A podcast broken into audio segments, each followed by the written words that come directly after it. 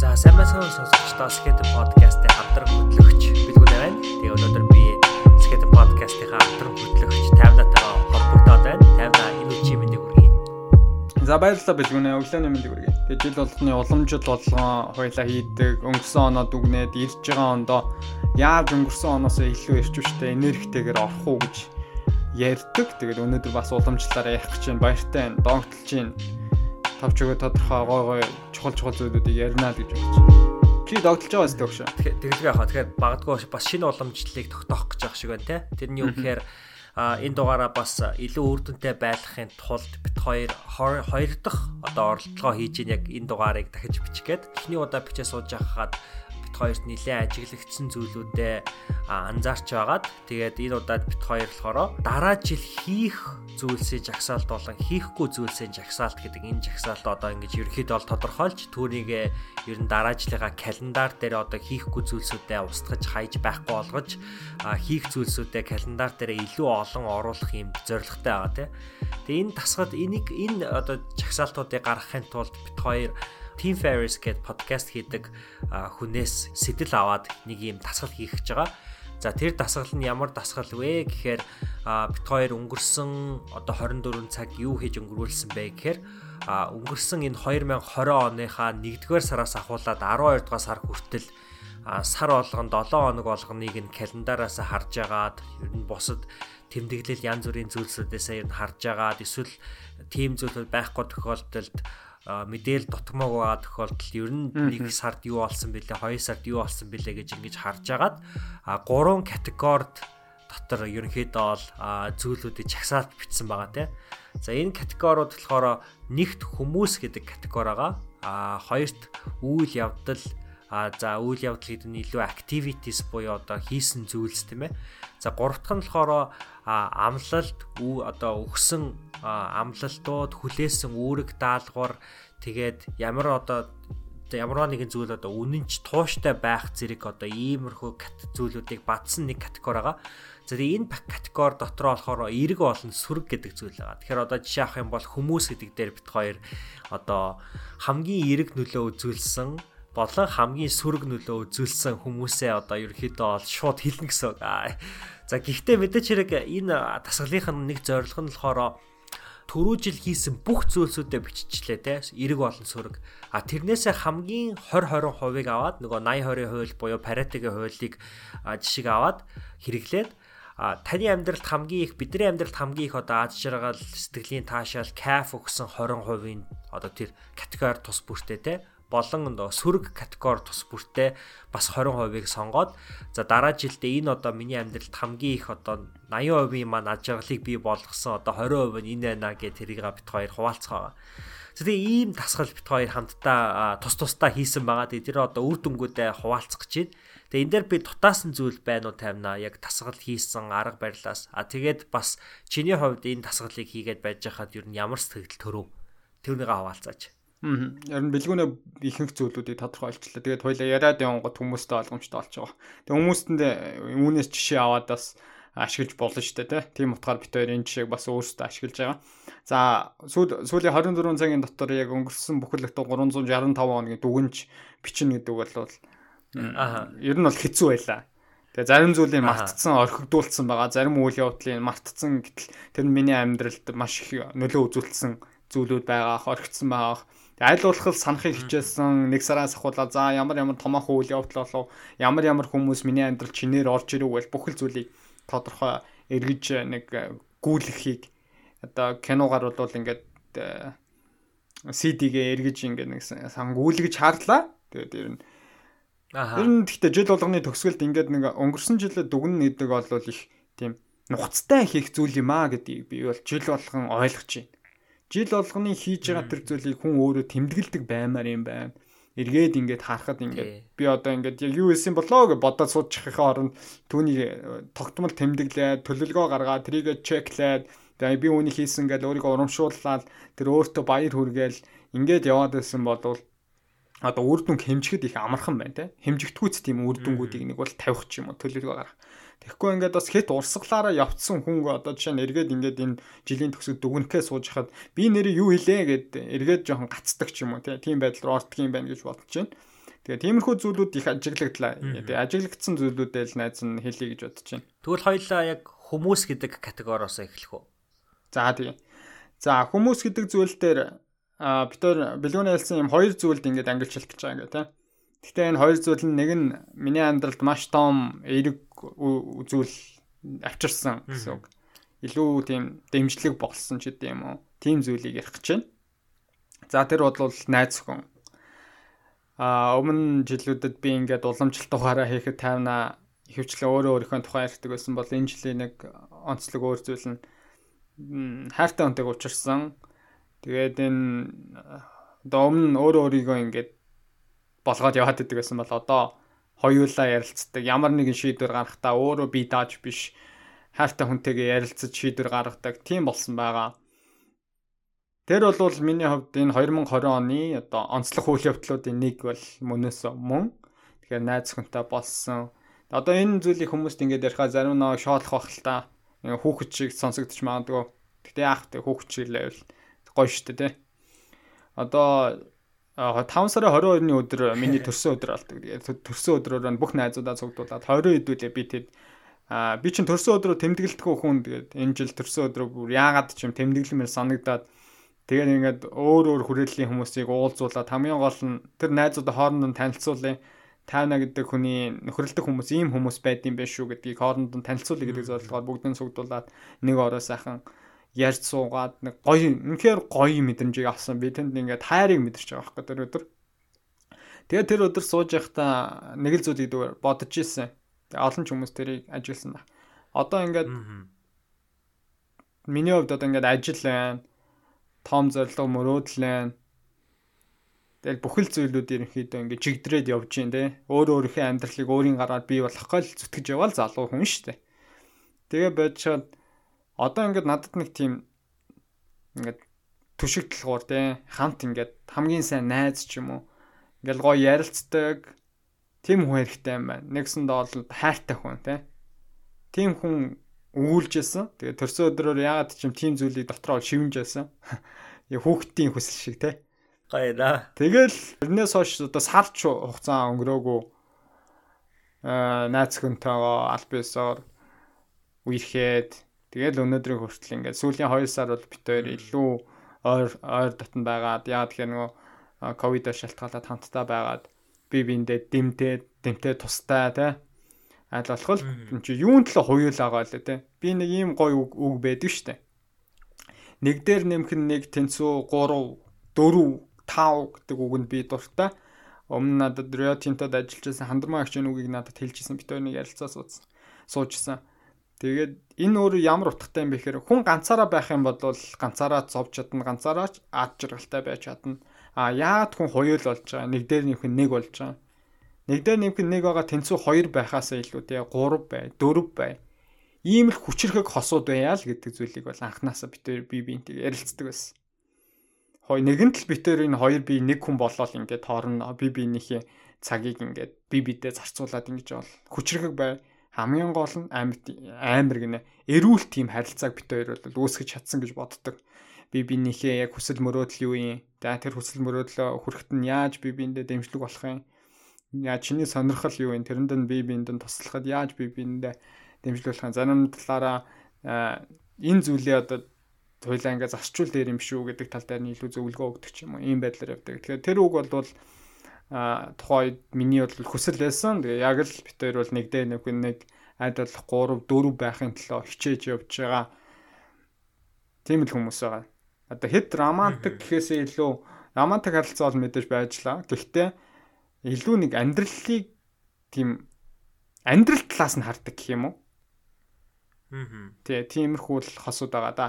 Тэр энэ онцлог хүн бол ялтчгүй энэ хүн Мөнөөс юм. Энэ гурван категори эдгээр зүйлүүдэд биччихэд тэгээд хамгийн гол хийх одоо нэг дотоод бит хоёрын хувьд ч гэсэн нэг дотоод зүйл нь нөгөө дараачлалынхаа календар дээр а яг одоо сайн оруулж өгөх хэрэгтэй байгаа штэ тий. Тэгэхээр бол би энэ асуултыг асуумаар байна. Ер нь ямар үйл явдал тийм ээ найз өхөнтэйгоо цагийг яаж өнгөрүүлсэн үйл явдлууд магадгүй чамд хамгийн их ад жаргал тийм одоо хангалуун мэдрэмжийг төрүүлсэн байдаг. Тийм учраас чи магадгүй 2021 онд найз өхөнтэйгоо илүү ихийг хамтдаа яг тэгж өнгөрүүлэхийг хүсэж байгаа гэдэг ийм одоо зүйлс байгаа юу? Яг календар дээрээ бичих ч юм уу тийм ээ?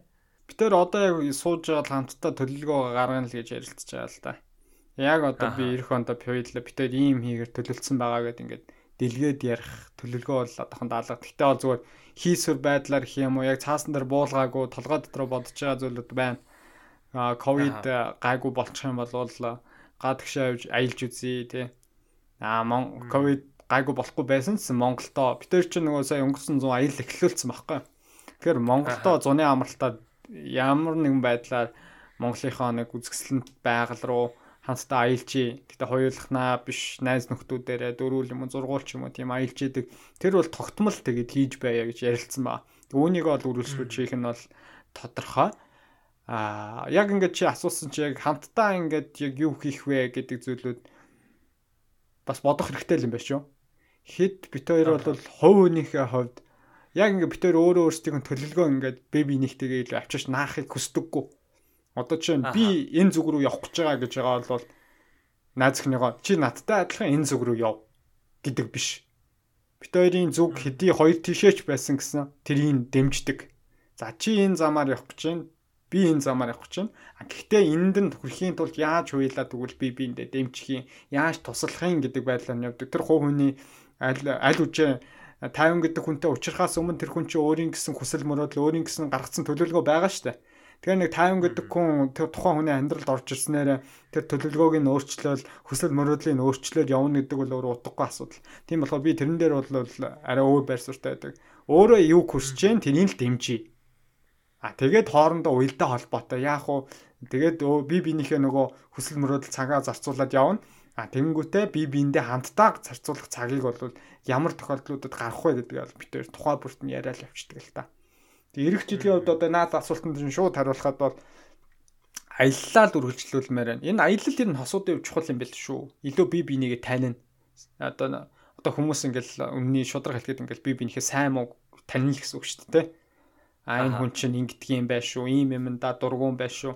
Инхээр ууралт юм байх шүү гэх. Тэгэхээр хамт амьдарч үзэн хосууд ялангуяа аялж үзэн гэдэг бол бие бинийгээ танихад дараагийн төвшөнд аваачхад бол маш том чухал хүчин зүйл.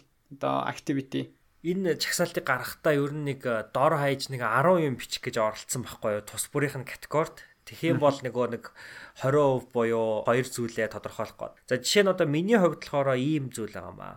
А чиний талаар сайн зүйлсийг бусдад ярьдаг хүмүүс гэж би бичсэн байна л да. Тэгэхээр зэрэг ийм хүмүүстэй би ер нь цаашдаа илүү нөхөрлөх, ийм хүмүүстэй илүү итгэж найдах, ийм хүмүүстэй магадгүй аа тэр дээр хүмүүсийг бас урамшуулах тийм ээ. Ер нь хамгийн ихтэй чухал нь өөрөө бас яг ийм байх надад айгүй би өөрөө сэтгэлийн айгүйх тийм аз жаргал мэдэрдэг бусад хүмүүсийн талаар хий нэгэн сайн зүйл ярих. За тэр дундаа бусад хүний чадвар, авьяас чадварыг бусдад одоо танилцуулах, сурталчлах гэдэг миний хувьд айгүй чухал юм шиг санагддаг. 2020 онд би а одоо яг ажил хэргийн шугамар улс төрийн одоо нэг улс төрч залуудад танилцсан байхгүй юу? Joe Radinovich гэж залуу. Тэгээ тэр болохоор одоо миний одоо дээр ажилтдаг одоо одоо нэг намайг удирдах ажиллах одоо миний босс байсан гэж хэлж болно. Тэгээд э, тэр хүнтэй ингээд эхний өдөр ингээд уцаар ярихад ярьж авах анх одоо яг тэр ажлынхаа одоо ярилцлага гэх юм уу тим зүйлийг хийжсэн. Тэгээд дараа нь болохоор бит хоёр яг тэр уцаар ярьснаас хойш нэг 4 хоногийн дараа чинь яг биеэр уулзаад яг ингээд танилцчихсэн. Тэгээд а ер нь бол би тийм яг айгүй гоё бие авч явдаг те ер нь тийм залуучуудад эрэгтэй хүмүүст айгүй татагддаг аахгүй юу. Одоо яг сексуалны биш шүү заяа. Гэхдээ яг ингэж айгүй их татагдаж энэ ямар гоё залуу яаж гоё ингэж бие авч явж байна те. Хүндлэмээр сэтгэгдэл төрдөг гэсэн үг шүү дээ. Хүндлэмээр сэтгэгдэл. Тий. Тэгснээ бас ингэж бүр ингэж одоо яг хөгшин хүнийг бол бүр ингээд хүндэлж харьцсан шүү дээ те. А яг тийм одоо залуу хүнтэй болохоор би илүү тийм дотносмоор амар санагддаг байхгүй. Энэ өстой гой залуу байна те. Яг энэ залуутай ингээд байгаадах юм бол би бас энэ хүн шиг байж чадах юм болов гэж ер нь их болдог. Тэгээ тэр хүнтэй ингээд танилцаал тэгээд бит хоёр ер нь бол нөгөө ярилцлага хийж байгаа гэдэг би дурж байгаа шалтгаан нь А би тэрэн дээр ингээл өөрийнхөө одоо улс төрийн сонирхол, улс төрийн мэрэгжил сурсан хичээл янз бүрийн зүйлүүдээ ярьж агаад тэгээ дундуур нь ингээд а би ингээд найзтайгаа хамт подкаст хийдэг гэдэг ингээл хэлсэн.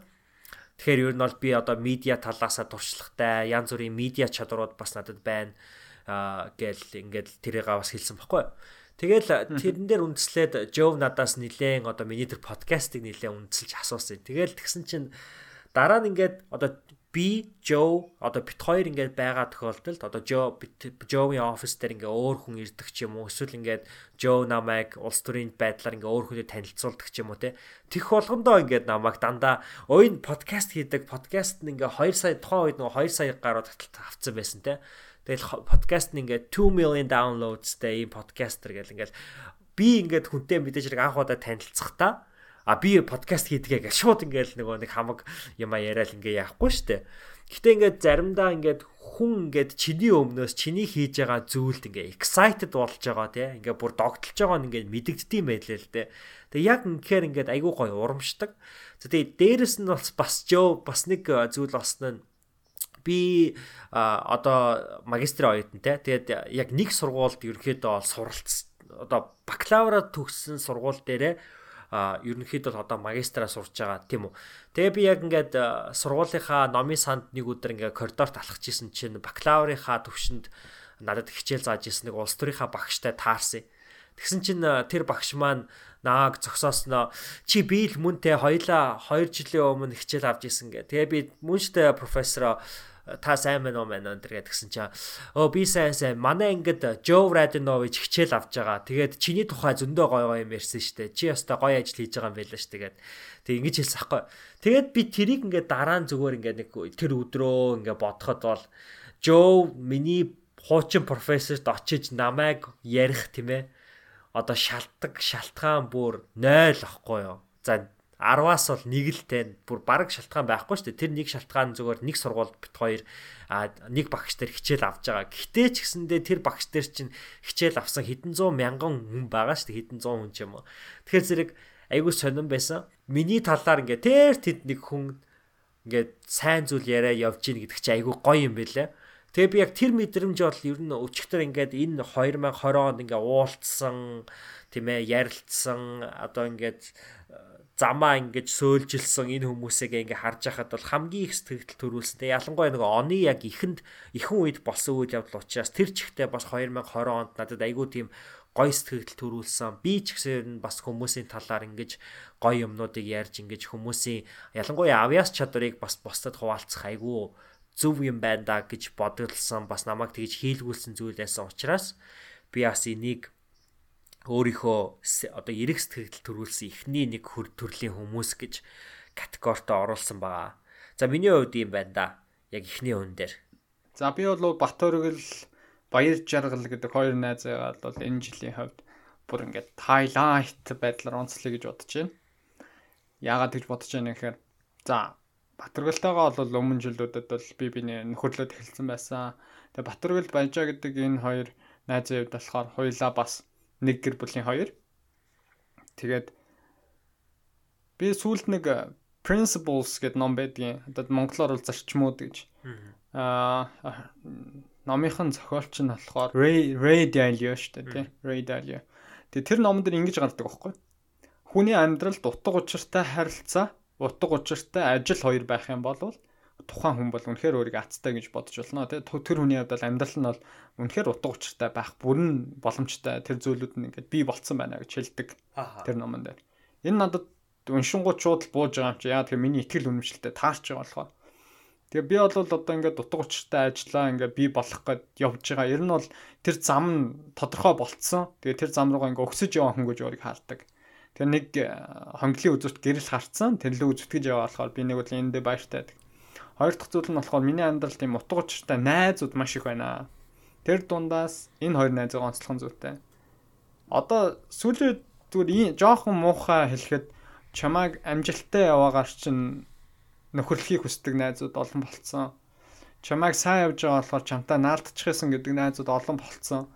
Илүү чамтай юм хамтраад хийчихсэн гэдэг тийм ашиг сонирхолтой үндэслэж нөхөрлийн харилцаа эхлүүлдэг тийм харилцаанууд зөндөө болцсон. Тийм нэгэн болцсон. Тэгээд Батөргөл Баяжаа гэдэг энэ хоёр найзын хувьд бол зөвхөн хүн гэдэг утгаар нь тайван гэдэг хүнийг те хүн гэдэг утгаар нь нөхөрлж найзалсан. Тийм болохоор би бол үнэхээр баярлалтай. Яагаад одоо чинь би ингээд хүн гэдэг утгаар нь гэдэг нь яагаад гэж хэлж байгаа юм гэхээр одоо би ийм юмар дүгнэхийг хүсдэг аахгүй.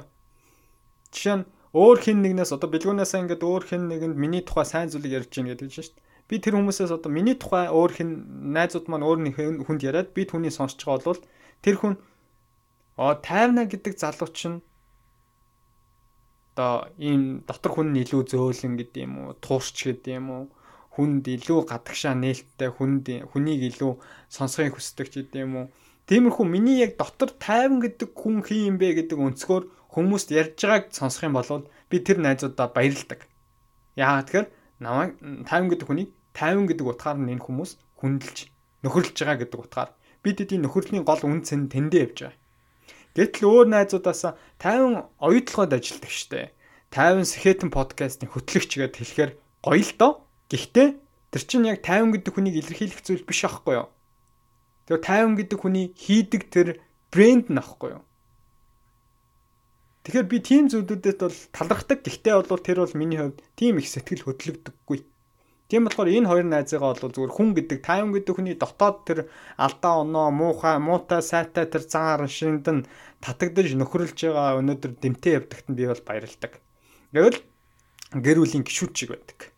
Одоо ингээл өвөл зунгуу ингээл аяллаар ийш тийш явхад би чи эрхэлдэг аахгүй би ингээд баг би өөрөө хувцаа бэлдээл аваад явхад нөгөө хоёр чинь мишок мишокийн бэлдсэн майхныг бэлдсэн майхныг бэлтцсэн, баг аяг шанагын бэлтцсэн. Хаагур ямар маршрутаар явах бүгдийн тэр хоёр ок болгоцсон. Тэгэл замаар нь ингээл ямар айлаар авах юм. Би ч бүр айлын хүүхэд юм уу те. Би тэгж эрхэлдэг аахгүй хоёр наастаа. Тэгээд би ч хөдөө гадаа их явдаг хүн. Тэнгүүд заримдаа ингээ хөдөө байж байгаад хотод ингээд янз бүрийн асуудал гарах юм бол нөгөө хоёр найз руу уцтаад та нэг машинтайгаа яваа тэр ажлыг зохицуулаад өгөөч, ингээд өгөөч гэж гуйдаг. Тэгээ зарим тохиолдолд бол мэдээж үгүй гэж хэлдэг. Гэхдээ заримдаа бол ок гэдэг. Тэгэд ийм л хоёр найз байгаа. Тэр хоёрын найзаа бол онцолж хэлэх нь зүйтэй ах. Тэр хоёр найздаа тэгээд хайртай шүү гэдгийг энэ дашранда энэ шинэ жилийн төгсгөл да дэвшүүлье. За миний хувьд бол хүмүүстээр онцлох зүйлүүд ийм байна.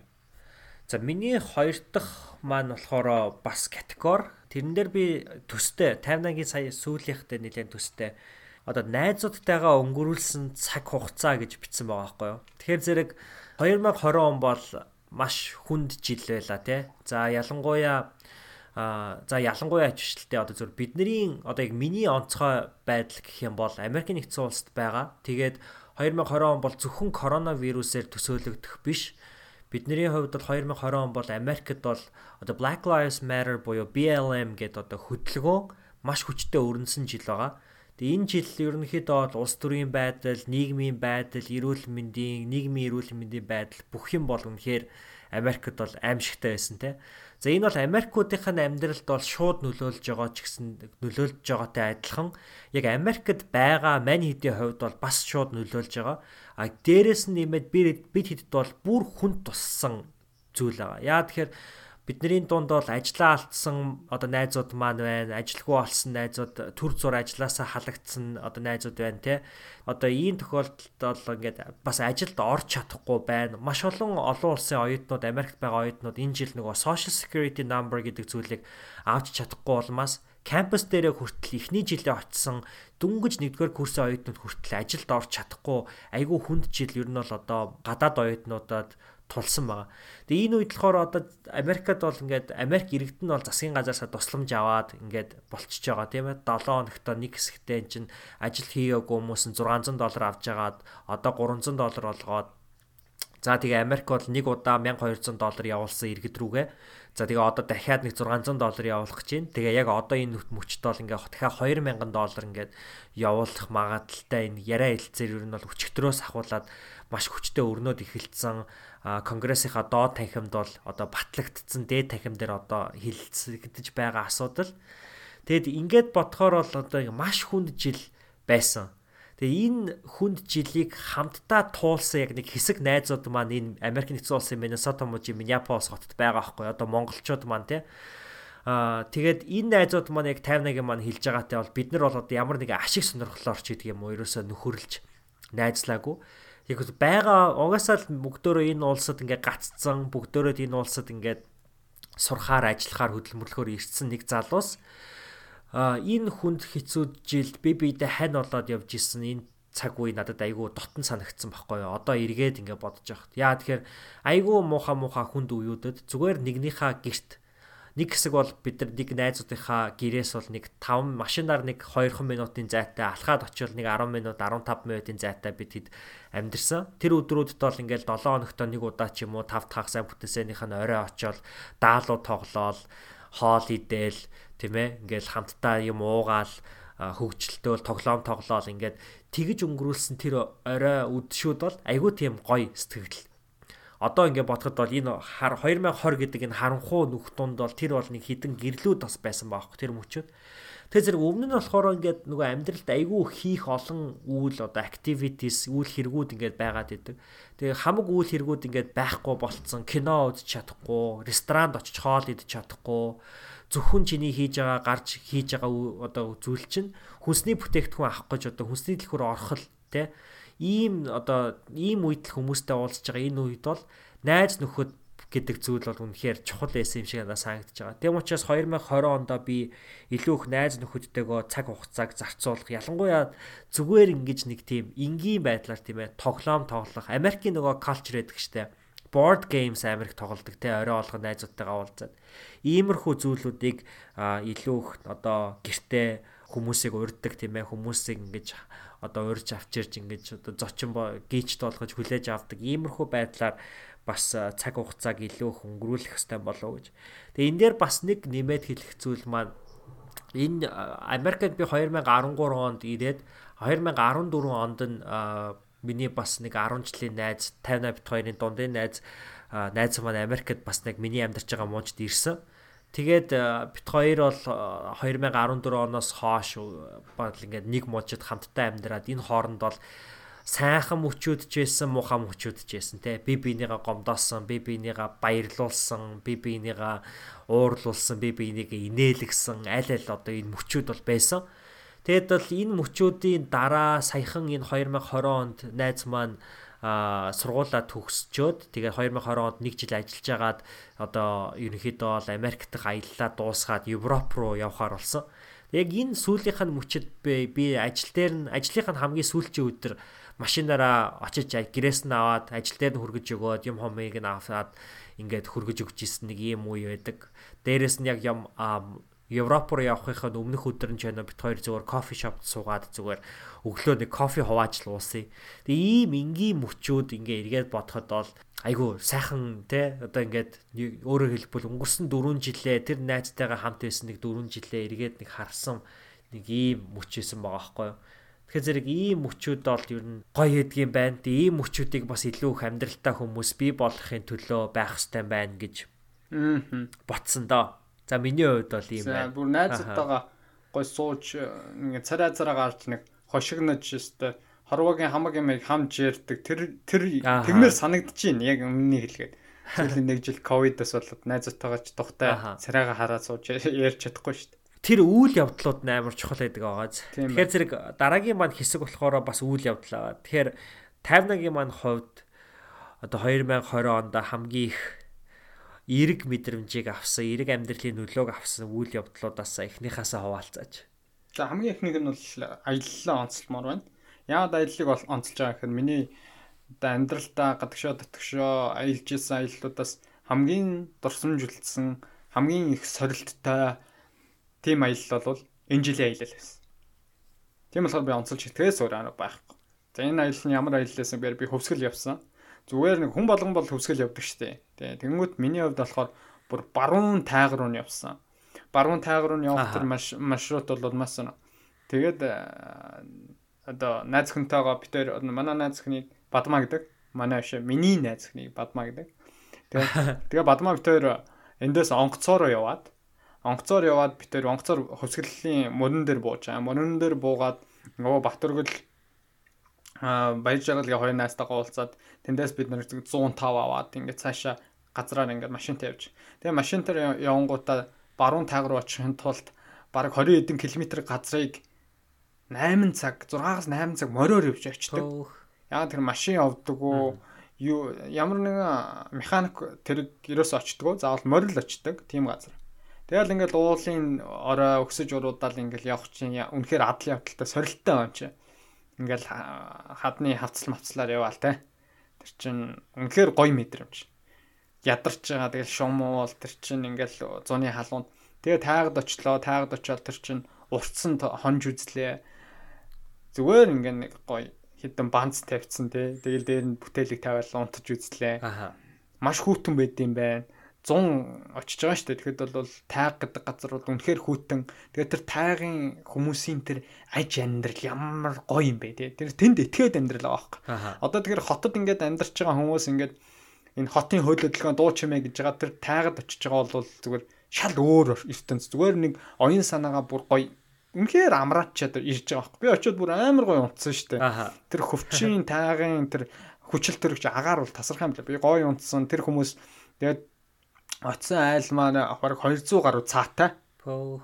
Тэгэл яа вау. Анх удаа амьдралдаа би цаа харж байгаа. Тэгсэн чи 200 харах харахтаа бүр 200 гаруй цаа харж байгаа. Тэр хүмүүсийн нутгийн хүмүүсийн тэр аялах те ярьж байгаа тэр туваа хүмүүс тэр Яа, үнэхээр л тийм гоё. Баг баримтад кино мэнэ хиймээр санагдаад байгаа юм чинь. Араад шүүл засгар болчлаа. Тий. Ер нь бол тасархаа очиод тэгэл Once in Brew цэцгийн шүү сууж үзлээ. Амьдралдаа анх удаа Once in Brew цэцэг харж байгаа. Ер нь тэгэл маш олон амьдралдаа хийж үзээгүй зүйлийг нэг зуны ганцхан аяллаар яваад хийгээд үзчихсэн шүү.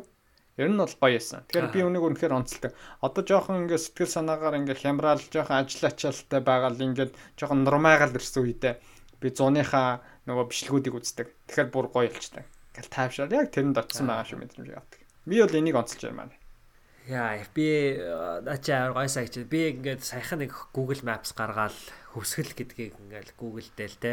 Тэгэл Google Maps-аар ингээд хараад ямар том юм бэ? Энэ хүмүүс яг энэ энэ болонд л очиод байдаг байх. Дээшгээ яг энэ хязгаарлал нь очдөг нь их цөөхөн бах та гэж бодчихсон чи 50 очсон байсан юм шүү дээ.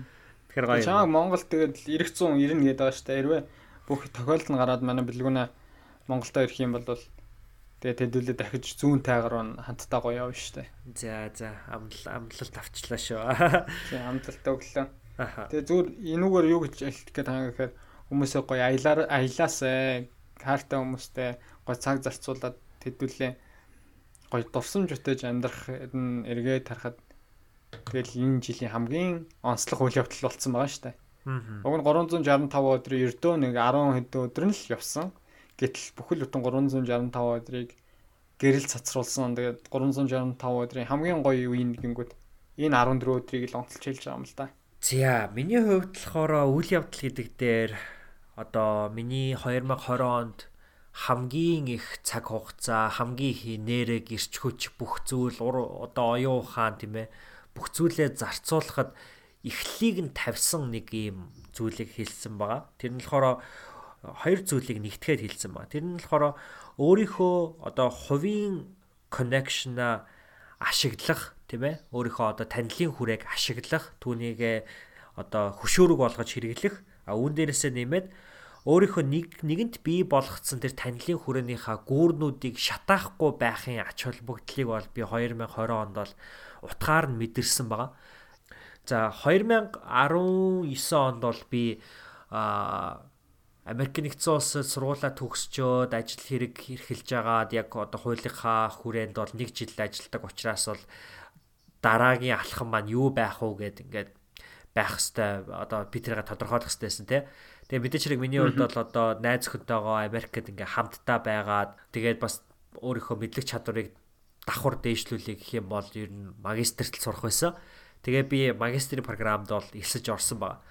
За ингээд магистрийн програмд элсэж ороод эхний хэдэн сар ч яг ингээл дайжгүй те. А гэхдээ түрүү жил 2019-нд бол 50 бит 2 нөгөө хамгийн их одоо бит 2-ын амьдралд бас нөлөө үзүүлсэн үйл явдал маань болохоор юу эсэ сэтгэл зүйчдэр очих байсан тийм ээ. Тэгээд би бас 19 онд ингээ сэтгэл зүйчдэр ингээ очоод өөрийнхөө тухай ярьж хахад болохоор өөрчлөлтөөс улбаалсан сэтгэл гутралын одоо шинж тэмдгүүд бол илэрж байна. Тэгэхээр бол яг сэтгэл гутрал бол биш те а өөрчлөлтөнд нөгөө хүн орчхоор янз бүрийн байдлаар одоо react хийдэг юм байна л да. А тэр тохиолдолд болохоор тэр нь янз бүрийн хэв шинжээр бол гаргадаг. Зарим хүмүүс болохоор нөгөө anxiety болох буюу сандрах, айх мэдрэмжүүд авдаг. А миний хувьд болохоор depression буюу одоо сэтгэл гутралын хэм маягаар миний тэр өөрчлөлтөнд бол би миний оюун бодол энэ бүх зүйл маань react хийсэн байсан. Тэгээд энэ зүйлүүдэд болохоор хамгийн одоо challenging байсан зүйлүүд маань юу вэ гэхээр бол мэдээж хэрэг яг тогтмол орлоготой 40 цаг 7 хоногт ажиллаад тэгээ нэр хүндтэй хамгийн гол нь айгүй нөгөө нэр хүндтэй байгууллагуудад ингээ ажиллаж ажиллаж хагаад гинт оюутан болоод ажиллаж чадхаа болоод ингээ зүгээр оюутан болцохоор зэрэг айгүй сонирм одоо ингээд өөрчлөлтөнд орчиж байгаа байхгүй юу би чинь саяхан л ажил хийгээ саяхан орлогонд маань тогтмол ингээл байжсан чи одоо би нэг үсэн зүгээр ингээ буцаа оюутан болцсон байж гэж одоод тэгээд ингээд ийм зүйл айгүй хүн цохилтонд оруулчихаа за тэгээд э, оюутан байж явах үедээ за тэгвэл одоо би яаж бас одоо э, ор буцаад нэг тогтмол орлоготой болох уу? За тэгээ яаж бас ерөнхийдөө бол а одоо ажил мэрэгжил талаасаа бас өөрийгөө тодорхойлох уу гэд. Ер нь бол нэлээд ажил хайж эхэлсэн Тэгээд 2020 онд бол би 2020 оны ихэнх 2019 оны сүүлээр бол яг идэвхтэй ажил хайж исэн байгаа.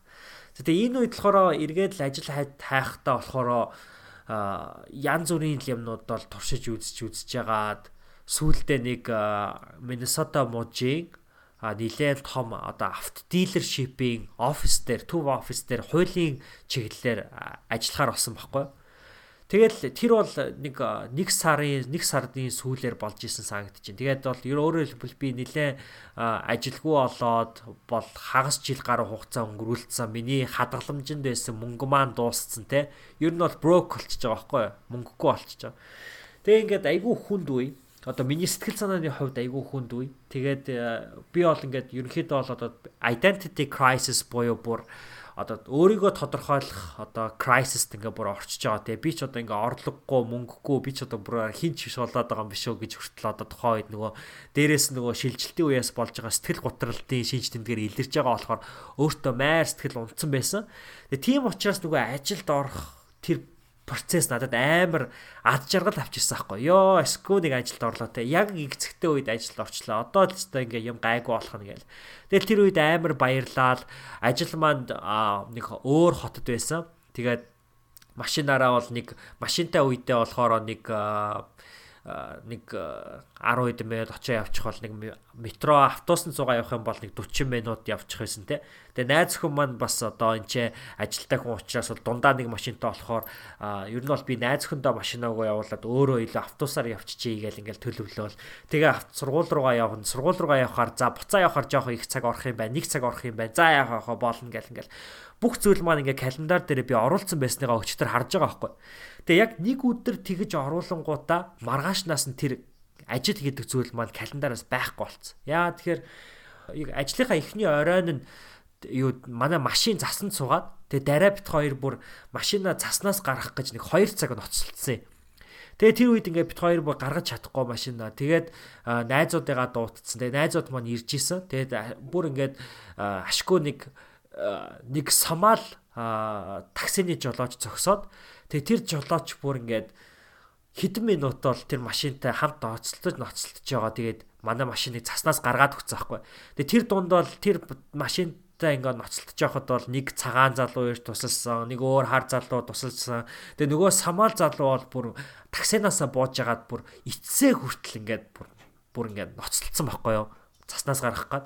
Тэгээ нөгөө залуу чинь бүр ингээд нөгөө самаал ах маань хажууд годомжинд ингээ алхаж исэн өө. Нөхөө наашир энийг жоохон түлхэлцээд үг гээд ингээ хүмүүсийг дуудаж муудаа. Тэгээд ингээд бид нар машинаа заснаас гаргаад тэгээд дараа тоо ингээ гэртээ ирж байгаа. Тэгээд бид хоёр чинь нохоотой. Тэгээ нохоогоо ингээд өдөрт 7 цагаас илүү ер нь бол орхиж болохгүй те. Тэр нохоо чинь нэг 8 цаг тутамд ер нь бол өөрийгөө сулж бийцэж явах хэвээр Тэгээд бит хоёр тэр үед бол нэг баг 10 10 цагийн дараа гэртээ ирж байгаа байхгүй өглөө гарч явснаас хойш. Тэгээ амар ядарсан. Амар ингээд бүр би махвад оюун санааны үед ядарсан. Миний анхны ажлын өдөр байсан. Тэгээд Тэгэл нэг суугаад амс хийгээл нохоогоо гаргачаал имэйлээ уншсан чинь гар утсаа харсан чинь гар утсаач харах сөхөөгүй лээсэн баах. Тэгэл гар утсаа харсан чинь маргаашнаас битгий ажилдаа ирээрээ гэд имэйл ирсэн баахгүй. Тэгээ тэр имэйл дээр болохоор энэ бол чиний одоо чамаас юусоо 100% ямар шалтгаангүй шүү. Манай ажил дээр гинтийн ийм захиргааны өөрчлөлт гараад тэгээд бажетинг буюу төсвийн өөрчлөлт гараад энэ ажлыг бид нэр төлөвлөж исэн одоо санхүүжилтаа татах шаардлагатай болчлоо гэ тэгээд тэгээд намайг маргааш нь бити ажилдаа ирээрэ гэдэг имэйлийг ажил олгогчоос маань ирүүлсэн. Нөгөө талд болохоор нөгөө ажилд зуулчилдаг компаниас маань болохоор voice mail-ууд хит хитэн voice mail үлдээсэн. Өстө уучлаарай бид нэр ийм зүйл болно гэж бодсонгүй. Тэгээд маргааш хамгийн залгаарай бид нар ингээд амар санаа зовж шүү уучлаарай гэд ингээд ийм дуудлага илгээсэн те voice mail илгээсэн. Тэгэд ийм зүйл энд бол нааг бас муухай шоконд оруулсан. Ер нь бол би тэр үед бол үнэхээр сэтгэл санаагаар бол навсунсан. Тэгээд яг үндэнгээ хэлэхэд бол тэр үед бол нөгөө шууд ер нь бол харанхуулаад явсан да. Тэгээд тэгэл маргааш нь байна одоо 3 дахь өдөр нь би хичээл дээр очиод за одоо яах вэ гэл ингээл ерөөс хичээл зааж исэн. Тэгээд хичээл дээрээ ингээд төвлөрч чадахгүй одоо яаж ажилтаа болох вэ гэл ингээд байж байгаад би хуучин хамт ажиллаж исэн хүмүүс рүүгээ мэйл бичт юм уу гэж бодонгуудаа яг тухайн үеч нөгөө 2 сар болж исэн учраас Америкт бол одоо immigration law буюу одоо цагаачлалын хуулийн салбар бол нэлээд хүл хөдөлгөөн ордог уу яахгүй. Тэгээ тэр үед болохоор ер нь бол нэлээд би нөгөө өөрөө бас цагаачлалын хуулийн фирмд ажиллаж исэн болохоор туршлагатай учраас тэр цагаачлалын хуулийн фирмийнхаа хамт одоо фирмийн хамтрагч гэж хэлдэг те фирм партнер гэж хэлдэг. Тэр хамтрагч руу имэйл бичээд би ингээд ажил хийх эрх авсаа. Тэгээд тийм учраас бол ингээд ажил хайж байгаа Тэгээд э, ингэсэн. Тэгээд би ингээд цагаачлаад цагаачлалын хуулийн юм дээр туслах уу гэдгсэн чинь хөөе би л чи нэрээ улс төрт улс төрийн мэрэгчлээ байлгүй би э, энэ энэ жил сонгуул нэр дэвшигч байгаа чи надтай хамтарч ажиллах уу гэд тэгжээд тэгээд э, тэр имэйлийг би дөрөвдгийн өглөөнд уншсан. Тэгээд Тэгээд л өстой тэр ажлыг энэ өстой алдаж болохгүй. Тэгээд би яг юу хийхээ юусэн битгүй байсан. Хамтаа ажиллах уу гэсэн. Тэгээд би шууд л ерөнхийдөө бол хайж хэлсэн л дээ. За улс төрт Америкт улс төрт ажиллахад хэдий их одоо цалин авдаг юм байна. За дээрэс нь хэдий их одоо ямар ямар ажлын төрлүүд байна, юу юу ер нь хийдэг юм байна те. Эдгээр бүх зүйлүүдэд нэлээд тодорхой болгож ингэж авсан. Тэгэнгүүтээ Тэгэнгүүтээ 5 дахь өдөр нь ерөнхийдөө бол тэр ажлын эрхээ яг одоо хууль ёсныхын байгууллагуудад мэдэгдээд тэгээд тэр бүтэнсэн өдөр нь а намайг одоо хин маань нөгөө хуулийн фирмийн хамтрагч маань өөрийнхөө одоо сонгуульт ажлын зөвлөгтэй холбож өгсөн. Тэгээ тэр зөвлөхийнхаа нэрийг надад хэлсэн аахгүй юу. Тэгээ би нөгөө зөвлөхийнхаа нэрийг зөвхөн ингээ Google-с бичиж үзвэ нэг LinkedIn нэг нь ороод үзчихье гэж одоо Google-с бичээд үзсэн чинь шууд ингээд одоо амар чухал хүмүүсийг ингээ Google дээр бичээд үзэхээр шууд ингээ suggestion гараад ирдэ штэ тий. Тэгээ яг Wikipedia дээр яг тэгээ шууд Joe Radin-овч гэж бичсэн чи гараад ирсэн аахгүй юу. Тэгээ ингээ ороод харсан чинь Америк нэгдсэн улсын ерөнхийлөгч асан Барак Обамагийн endorse хийж исэн Америк нэгдсэн улсын конгресс нэр дэвшиж исэн маш том одоо улс төрч. За Америкт бол маш одоо одоо цэнхэр мууж байгаа Миннесота мууж бол а гэхдээ цэнхэр мууж дотроо бол нэлээд улаан одоо каунтинууд бол байдаг те одоо аймагуд гэж хэлж болно. Тэгээ Улаан аймаг дундаас болохоор Улаан каунти дундаас гарч ирсэн цэнхэр одоо улс төрч байгаа. Тэгэхээр бол тэр бол өөрөө амар тийм сонин тохиолдол ахгүй. Одоо ингээд хүмүүс л нөгөө нөгөө Promised Land гэдэг Barack Obama-гийн номыг уншиж байгаа. Тэнгүү тэрэн дээр ингээд флип хийж байгаа штэ тий. Тэгээ одоо ч гэсэн сая нөгөө ерөнхийлчийн сонгуулиор нэлээд олон улаан мужууд бол флип хийж иж ерөнхийдөө бол Joe Biden ерөнхийлөгч боллоо. Тэрнтэй адилхан бол Joe Biden нөгөө флип хийсэн улс төрч байсан. Тэгээд юу ямар амар улс төрчээ гэж бодоод тэгэл тэр хүнтэй уцаар ярахаасаа бүр ингээл айгаал түгшээл ингээл бүрийгээ бэлдэж бэлдэж байгаа яриад тэгэл ярьсан чинь уулзсан чинь хамаагүй зөөлөн хамаагүй гоё хүн байсан дээ. Тэгэл бүх юм тодорхой болсон. Тэгээ тэр хүн маань болохоор надад гэсэн аахгүй чи бол надтай компанид менежерийн ажил хийнэ. Компанид одоо ажлын маань менежерийг хийн. Би болохоор чиний зөвлөх хийгээ явъя гэдэг ингэсэн. Тэгээ энэ болохоор улс төрийн салбарт нэлээд байдаг зүйл юм бэлээ. Би бол өөрөө мэдхгүй орсон ч гэсэндээ одоо яг Барак Обамагийн номыг уншиж хахад яг юм junior manager, senior manager-аар ерөнхийдөө бол удирдуулж компанид ажлыг айгүй хийдэг. Тэгэд би бол яг junior manager болоод компанид ажил хийхээр болсон. За тэгээд ажлаа ингээл хийгээл ерөнхийдөө бол Америкийн нэгдсэн улсын Миннесота мужийн доод танхимын сонгуульд нэр дэвшигчийг би менеж компанид ажлыг нь менеж хийхээр болсон. Тэгээд ер нь бол хийсэн амжилттай хийсэн. Бид нэр 11 сард сая гişүүн болсон байгаа. Тэгээ энэ хугацаанд болохоор би бас дээд дээд танхимд бас нэг одоо өөр нэр дэвшигчийг бас компанид ажлынх нь бүх юмыг сетап хийхэд нэг зуны улирлаа бас зарцуулсан. Тэгээд энэ одоо зүйл 2020 оныг бол ерөөсөө энэ сонгуулгүйгээр би төсөөлж чадахгүй. Ягаад тэгэхээр энэ бол түүхэн сонгуул боллоо те. Энэ бол энэ жил бол нэрээ бүр түүхэн юу яалаа штэ. Америкод бол түүхэн хэмжээнд саналаа өгсөн бохоггүй. Тэгээд энэ саналыг өгөхийн тулд бид нар бол зөвхөн нөгөө нэг өөрийнхөө нэр дэвшчийг ялуулахын тулд биш хэдэн зуун дуудлагыг би Америкийн одоо иргэд рүү хийсэн. Тэгэл ч заримдаа хүмүүс загнуулан, заримдаа хүнтэй хэрэлдэн, заримдаа хүнтэй муудалцсан, заримдаа хүнтэй үнэхээр сайн найзууд болно. Тэгэл би өстэй таны улс чинь болохгүй байх, таны улс чинь энэ болж гин. Одоо гарч сангуулаа өгөх хэрэгтэй. Одоо мэйлээ явуул, одоо шуудангаа явуул, одоо саналаа өг гэл хэдэн зуун дуудлага хүмүүс рүү би хийсэн, хүмүүсийг удирдах хийлгүүлсэн. Гайхалтай сонгуулийн turnout болсон те маш их хэмжээгээр хүмүүс санал сонгуулаа ол өгсөн. Тэгэд Америк нэгдсэн улсыг амьдарч байгаа улсынхаа яг энэ демократик үйл явцанд нь ингэж гар бие оролцоход бол хамгийн чухал миний үүргийг гүйцэтгсэн юм бол ерөөсө тэр имэйл байгаа байхгүй. Тэгээ яг маргааш нь л би тэр тэр ажилласаа эхний өдрөө халагдчаад ажлынхаа эхний өдөр халагдчаад маргааш нь тэр имэйлийг би бичээг байсан бол миний 2020 онд бол ийм их одоо амжилт, ийм их сэтгэлийн таашаал авчрах тэр одоо үндэс суурийг бол тавихгүй байсан байгаа. Тэгэхээр бол зэрэг эхэндээ хэлжсэнчлээ өөрийнхөө одоо хувийн танилын хүрээг бол тэлэх амар чухал дээрэс нь түүнийга хэрэглэх маш чухал а хамгийн чухал нь болохоор нэгэнд бий болгосон тэр одоо харилцаа танилын хүрээ connection устгах шатаах тэрийг байхгүй болгох бол маш хориотой. Тэрийг бол юу ч тэгэж хизээч болохгүй. Тэгээд олон улсын харилцаагаар сурж явах маань ч гэсэн дээр нь бол хилдэг. Дипломат хүн бол хизээч дайсантайгаа хүртэл дайсан болж болтгоо Тэгэхээр бол яг тэр зарчмыг бол байн хүмүүс баримталж явах ёстой шүү гэдгийг би өөртөө л сануулж хэлмээр хүмүүст сануулж хэлмээр байсан болохоор энэ үйл явдлыг хуваалцж байгаамаа.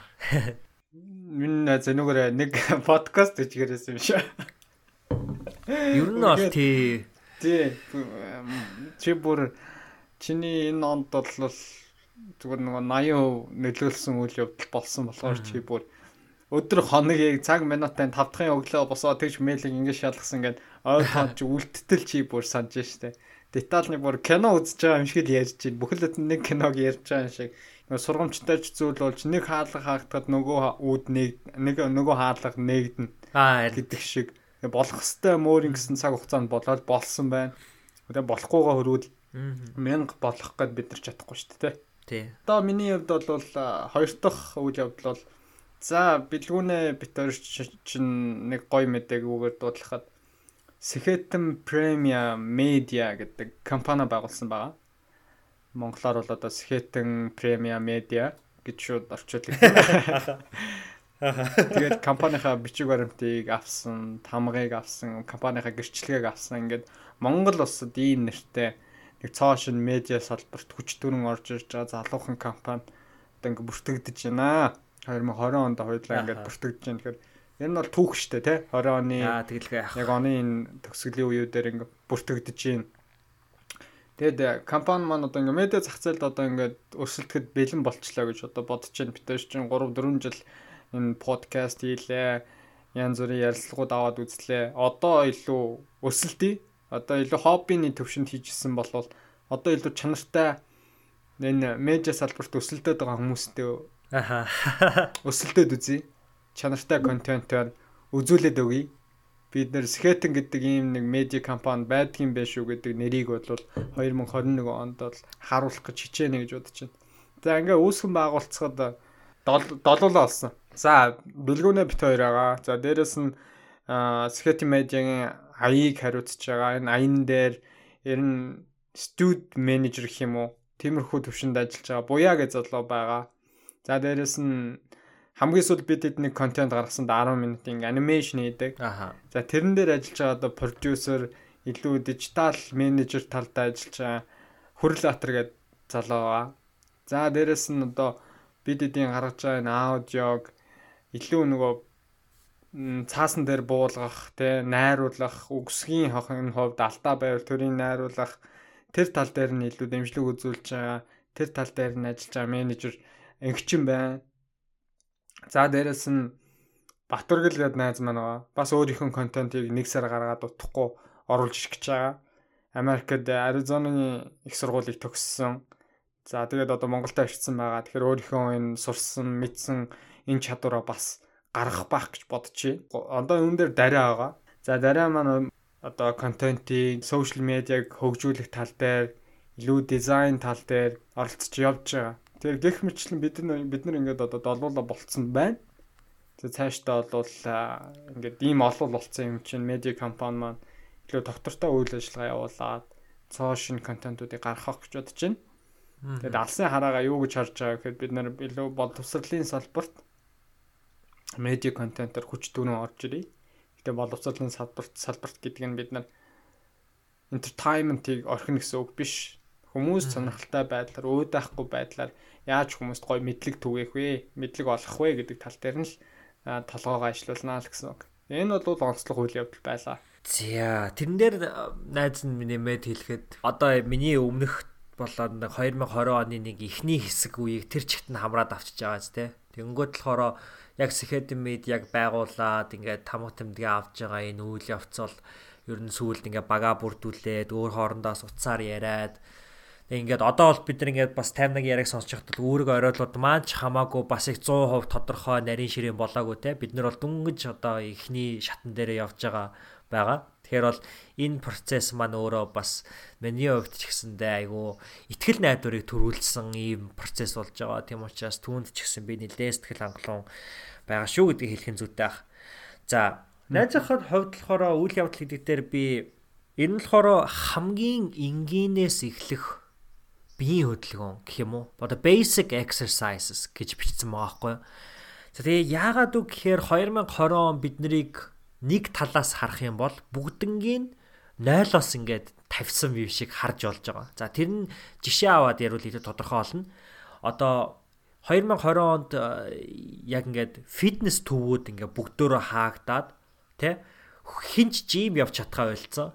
Тэгэхээр одоо хүн болоход нөгөө гэрээсээ воркаут хийх, гэрээсээ дасгал хөдөлгөөн хийх, эсвэл гадаа гарч дасгал хөдөлгөөн хийх гэдэг ийм л ерөөхдөө бол хоёр сонголт үлдсэн. Тэгэхээр бол зэрэг заавал мөнгөтэй жимд очиж, gym membership авч дасгал хөдөлгөөн хийж ирүүл байх биш хүн болгон ерөнхийдөө бол ирүүл байхын төлөө ямар нэгэн юм гэртээ ч юм уу гадаа гарч хийх хэрэгтэй болсон байгаа. Тэгэд ийм одоо шахалт ингээд амьдралд бий болцсон чинь хүн цаанаас өөрөө ирэхгүй айгу бүтээлч болоод эхэлт юм байна л да. Тэгэд яг нөгөө одоо миний төрөний түүх ингээ сонсож байхад бол би хэлдэ штэ нэлээд сэтгэл гутралын шинж тэмдгүүдтэй ингээд тулалдсан гэх юм одоо юу гэх. Тэгэнгүүт болохоор тэр одоо энэ нөхцөл байдлуудад хамгийн их одоо амар амгалан бас тайван байдлыг бий болгож исэн зүйл маань ерөөсө гадаа алхах Тэгээд сүүлд хийсэн подкастн дээрээ ч гэсэн би энийг яг энэ тухай ярьсан байгаа. Тэгэхээр бол энийг бол би нэх их дэлгэрүүлж яриад яах вэ? Гэтэ зөвөр илүү бүтээлч бас байдлуудаар хүн алхаж болдсон байлээ. Жишээ нь дараат хоёр энэ жил бол өөрсдийнхөө амьдарч байгаа Twin Cities буюу ихэр хотуудын бүх нууруудаар бол а тойрж алхах гэдэг зорилго тавьсан. Тэгээд Америк нэгдсэн улсын Миннесота мужийг болохоор төмөн нуурын орон гэж нэрлэдэг. Тэгээ энэ ч нөгөө 100000 гаруй нуур гэдэг болохоор Тэгээ тэрнийхээ одоо өчүүхэн хэсгийг л тойрсон байгаа л да. Яг тэгэхээр Twin Cities буюу ихэр хотууд маань өөрөө тийм амар олон нуургүй. Гэтэ ер нь бол нэг аа яг хэд юм бол доо. Ер нь нэг бит хоёр бол нэг 20 орчим нуурыг бол тойроод алхсан баг шүү энэ жил. Тэгэл нууруудаа дуусгачаал нууруудаа дуусчаад одоо яах вэ гээл тэнгүүтээ баахан цэцэрлэгт хүрээлэнгүүдээр алхсан. 7 хоног болгон баг өдөр болгон өөр өөр газруудаар алхсан. Өглөө болгон алхсан тий. Орой болгон алхсан. Маш их алхсан дөө бүр Америкт бол дайм болсон шүү дээ таймда. Ер нь бол дуу буун дуу зүгээр л манай гэрээс 5 минутын зайтай нөгөө George Floyd ирхэм одоо алдагдсан байгаа тий. Тэгэл тэрнээс хойш ерөнхийдөө бол буун дуу бол зүгээр нормал болж хувирсан байсан 6 сард бол. Тэгэл буун дуу гараад хүмүүс буутай буу агсцсан машин зам дээр явж хахад цэрэг цагдаа нар эн тэнд гудамжинд байж хахад хүртэл бит хоёр алхаад явж исэн. Тэгээ нэг удаа бүр бит хоёр за яст ингээ үхэх гэж нэгэ бит хоёр бүр буутай хүнээс хүртэл зугтсан нэг удаа. Аа тэгээ тэр үед буутай хүнээс зугтаж байхдаа дээрээс нь нэмээд бит хоёр чинь нөгөө нохоо тижээж исэн. Өөрсдийнхөө нохооноос гадна сайн хүйлийн аяг хийгээд нэг нохоо үрчилж аваад төр зур одоо төр харах үйлчлэгээ бас хийж исэн. Тэгэл амар үед хүртэл ингээ алхаж исэн. Тэгээд амар биш үе айл айлтанд алхаж явах тэр алхаж байгаа гэдэг маань өөрөө хүнд амар их тийм амар амгалан өдрийн тэр стресс тэр юмнаас бол гардыг байлаа. А хоёр талаараа йога бас би энд ярьчмаар байгаа. Тэгээ йогаг би ерөөсө 2020 онд хийж үтсэн анхны тохиолдол байхгүй. Өмнө би хизээч йога хийж байгаагүй. Хамгийн анх удаа дараа намайг йоганыхаа класст йоганыхаа хичээлд намайг урьж оруулаад Тэгээд яг пандемик эхлэхээс өмнө би нэг удаа йог очиж хийжсэн яг багшийн дагуу.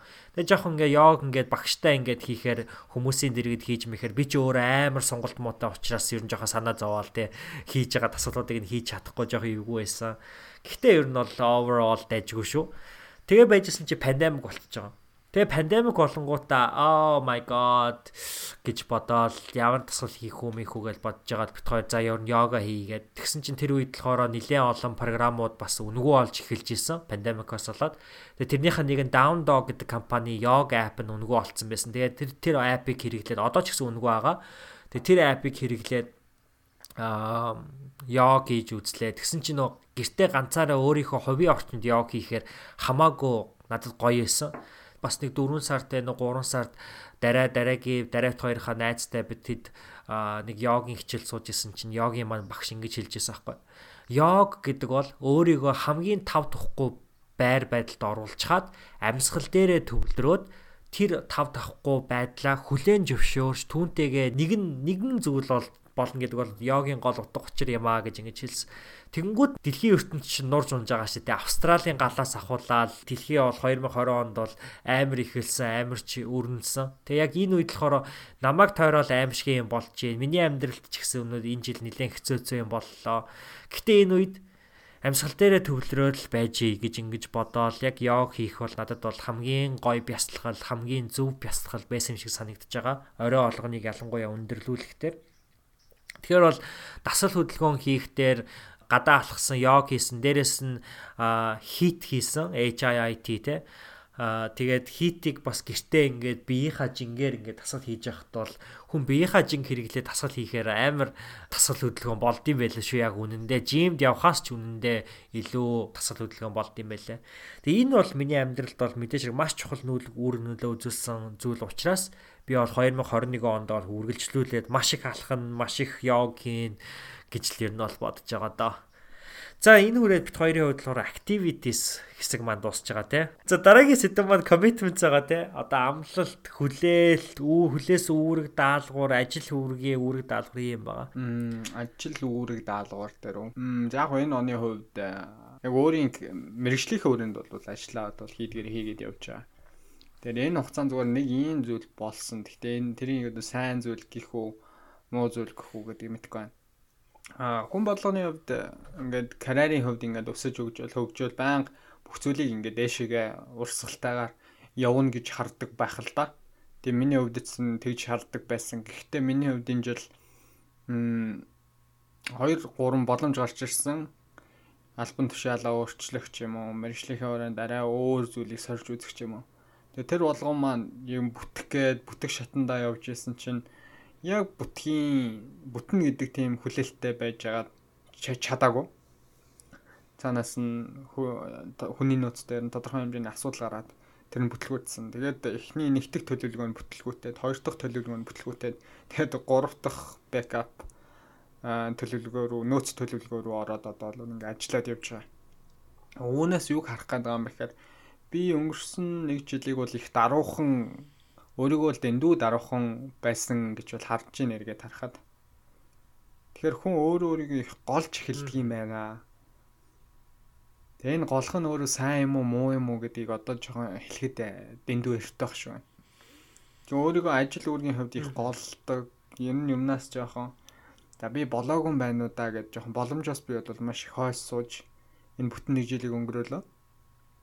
Нүдэн дээр маш олон хүн залуучууд тэр боломжийг ашиглаад хийж хийгээ хийгээ чадаад явж байгааг харахад бол би бас болох юм байна гэдэг тийм ихтгэл өнөмшлийг эргээгээд авч байгаа тийм л он жилүүд байлаа да ажил өөргийн хувьд гэх юм бол ер нь л хэвэн байсан. Нэг том өсөлт үзүүлэх боломж байсан. Тэр боломж маань бүтээгүй. Тийм бай. За чиний хувьд За энэ дээр би зүгээр нөгөө commitment гэдгээ би илүү одоо үнэнч тууштай байсан те нэг зорьсон зүйлдээ илүү үнэнч тууштай байсан гэдэг дээр дараа бит хоёрын хамтдаа commit хийсэн нэг зүйлийг хуваалцахыг хүссэн. Тэр нь болохоор fostering dogs буюу нохой төр харах Тэгээ энэ жил дараагт хоёр нийтдээ 3 нохой төр харсан. А эхний нохоо маань юу Альфонзо гэдэг Shiba Inu 5 настай, хоёр дахь нохоо маань Rusty Corgi 5 настай, гурав дахь нохоо маань Shiba Inu 4 сартай одоо манай гэрт бас байгаа. Тэгээд хамгийн анхны Foster нохооныхоо түүх бол над бит хоёрт амар цохилт өгсөн байхгүй юу. Яа тэгэхээр бит хоёр яг 5 сарын 25-нд миний төрсөн өдрөөр бид нар Iowa мужид байж исэн миний төрсөн өдрийг бас манай энд байдаг нэг залуугийн төрсөн өдөр ойролцоо болдог учраас бид хоёрын төрсөн өдрийг тэмдэглээд хөдөө найзуудаараа нөгөө найзуудаараа айгуу гоё цагийн өнгөрүүлээ яжсан байхгүй. Тэгсэн чинь 5 сарын 25-нд George Floyd нас урсан. Тэгээ бид нар 5 сарын 26-нд энэ 27-нд эргэж очоод 5 сарын 27-ны лав гараг Альфанзаг очиж нөгөө нохоо аврах үйлчлэгээнээс одоо тэр газраас очиж дарайт хоёр авсан байхгүй. Тэгээ Альфонзо маань болохоор 5 жил хаана амьдэрсэн бэ гэхээр ерөнхийдөө шоронд буюу кейжэнд амьдэрсэн. Тэг нохоо үйлдвэрлэдэг үйлдвэрт амьдэрсэн ийм нохоо. Тэгэхээр өөрөөр хэлбэл хизээж хүний хайр мэдэрж байгаагүй амар халтар ингээд бүр тэр үйлдвэрт ерөнхийдөө бол нөгөө нохоонууд ингээд дээр дор амьдарч идэг болохоор дээдлийнх нь нохоо нь бааж ягээл доотлийнх нь нохооных нь арьсан дээр ингээд урсаал. Тэгэл доотлийнх нь нохоо нь шээс бас болол дараагийнх нь доотлийнх нь нохоо нь өөрөө шээс бас болол тэг ингээд байж тэр нохоо л манай гэрт ирэхдээ амар айцтай нохоо ирсэн. Тэгээд шууд нөгөө нохоо чи айнгуудаа чацаг алтчдаг байхгүй юу? Тэгээ бит хоёрын машинаас буунгуудаа нөгөө нохооноос зүүцсэн байгаа лиш буюу одоо нөгөө бариулаагаа штэ урт уяа. Тэр уяанаас анх удаа уяанд зүгдэж үзэж байгаа нохоо чинь амар айнгуудаа гаражин дотор чацаг алдаад нөгөө чацгандаа өөрөө их бүр ингээд юу гэх юм бүр ингээд өөрөө дээрээс нь унаад тэгээ бүр ингээд чацгандаа баригдаад тэгээ бит хоёр бүр шоконд ороо. Тэгээ нөгөө нохогч нь аваад өөрсдийнхөө апартмент гэртээ ингээ аваад ороод ирсэн. Тэгээ уул нь бол нөгөө өөрийнхөө resident dog буюу өөртөө тижээж байгаа нохоог тийм төр харж байгаа нохотой уулзуулахдаа neutral space буюу хин хинийх нь танихгүй мэдхгүй эсвэл гадаа ч юм уулзуулах хэрэгтэй байдаг. Тэгээ нэгэнт нөгөө нохоо чинь чацаг алдаад амар айцтай болцсон сандарч байгаа нохоо бит хоёр ч өөртөө ч гэсэн балмагдсан байгаа юм чи тэгэж өөрсдийнхөө нохоо гадаа авч гаргаж уулзуулах ямар ч боломж байхгүй. Тэгэл нөгөө манай нохоо чинь гадны нохоо гинт ороод ирсэн чи бүр ингээ салганаад бас чичрээд тэгээ тэр оройн бас манай нохоо өөрөө хүртэл чацаг алдчихсан. Яа стрессцэн байна гэсэн үг шүү дээ.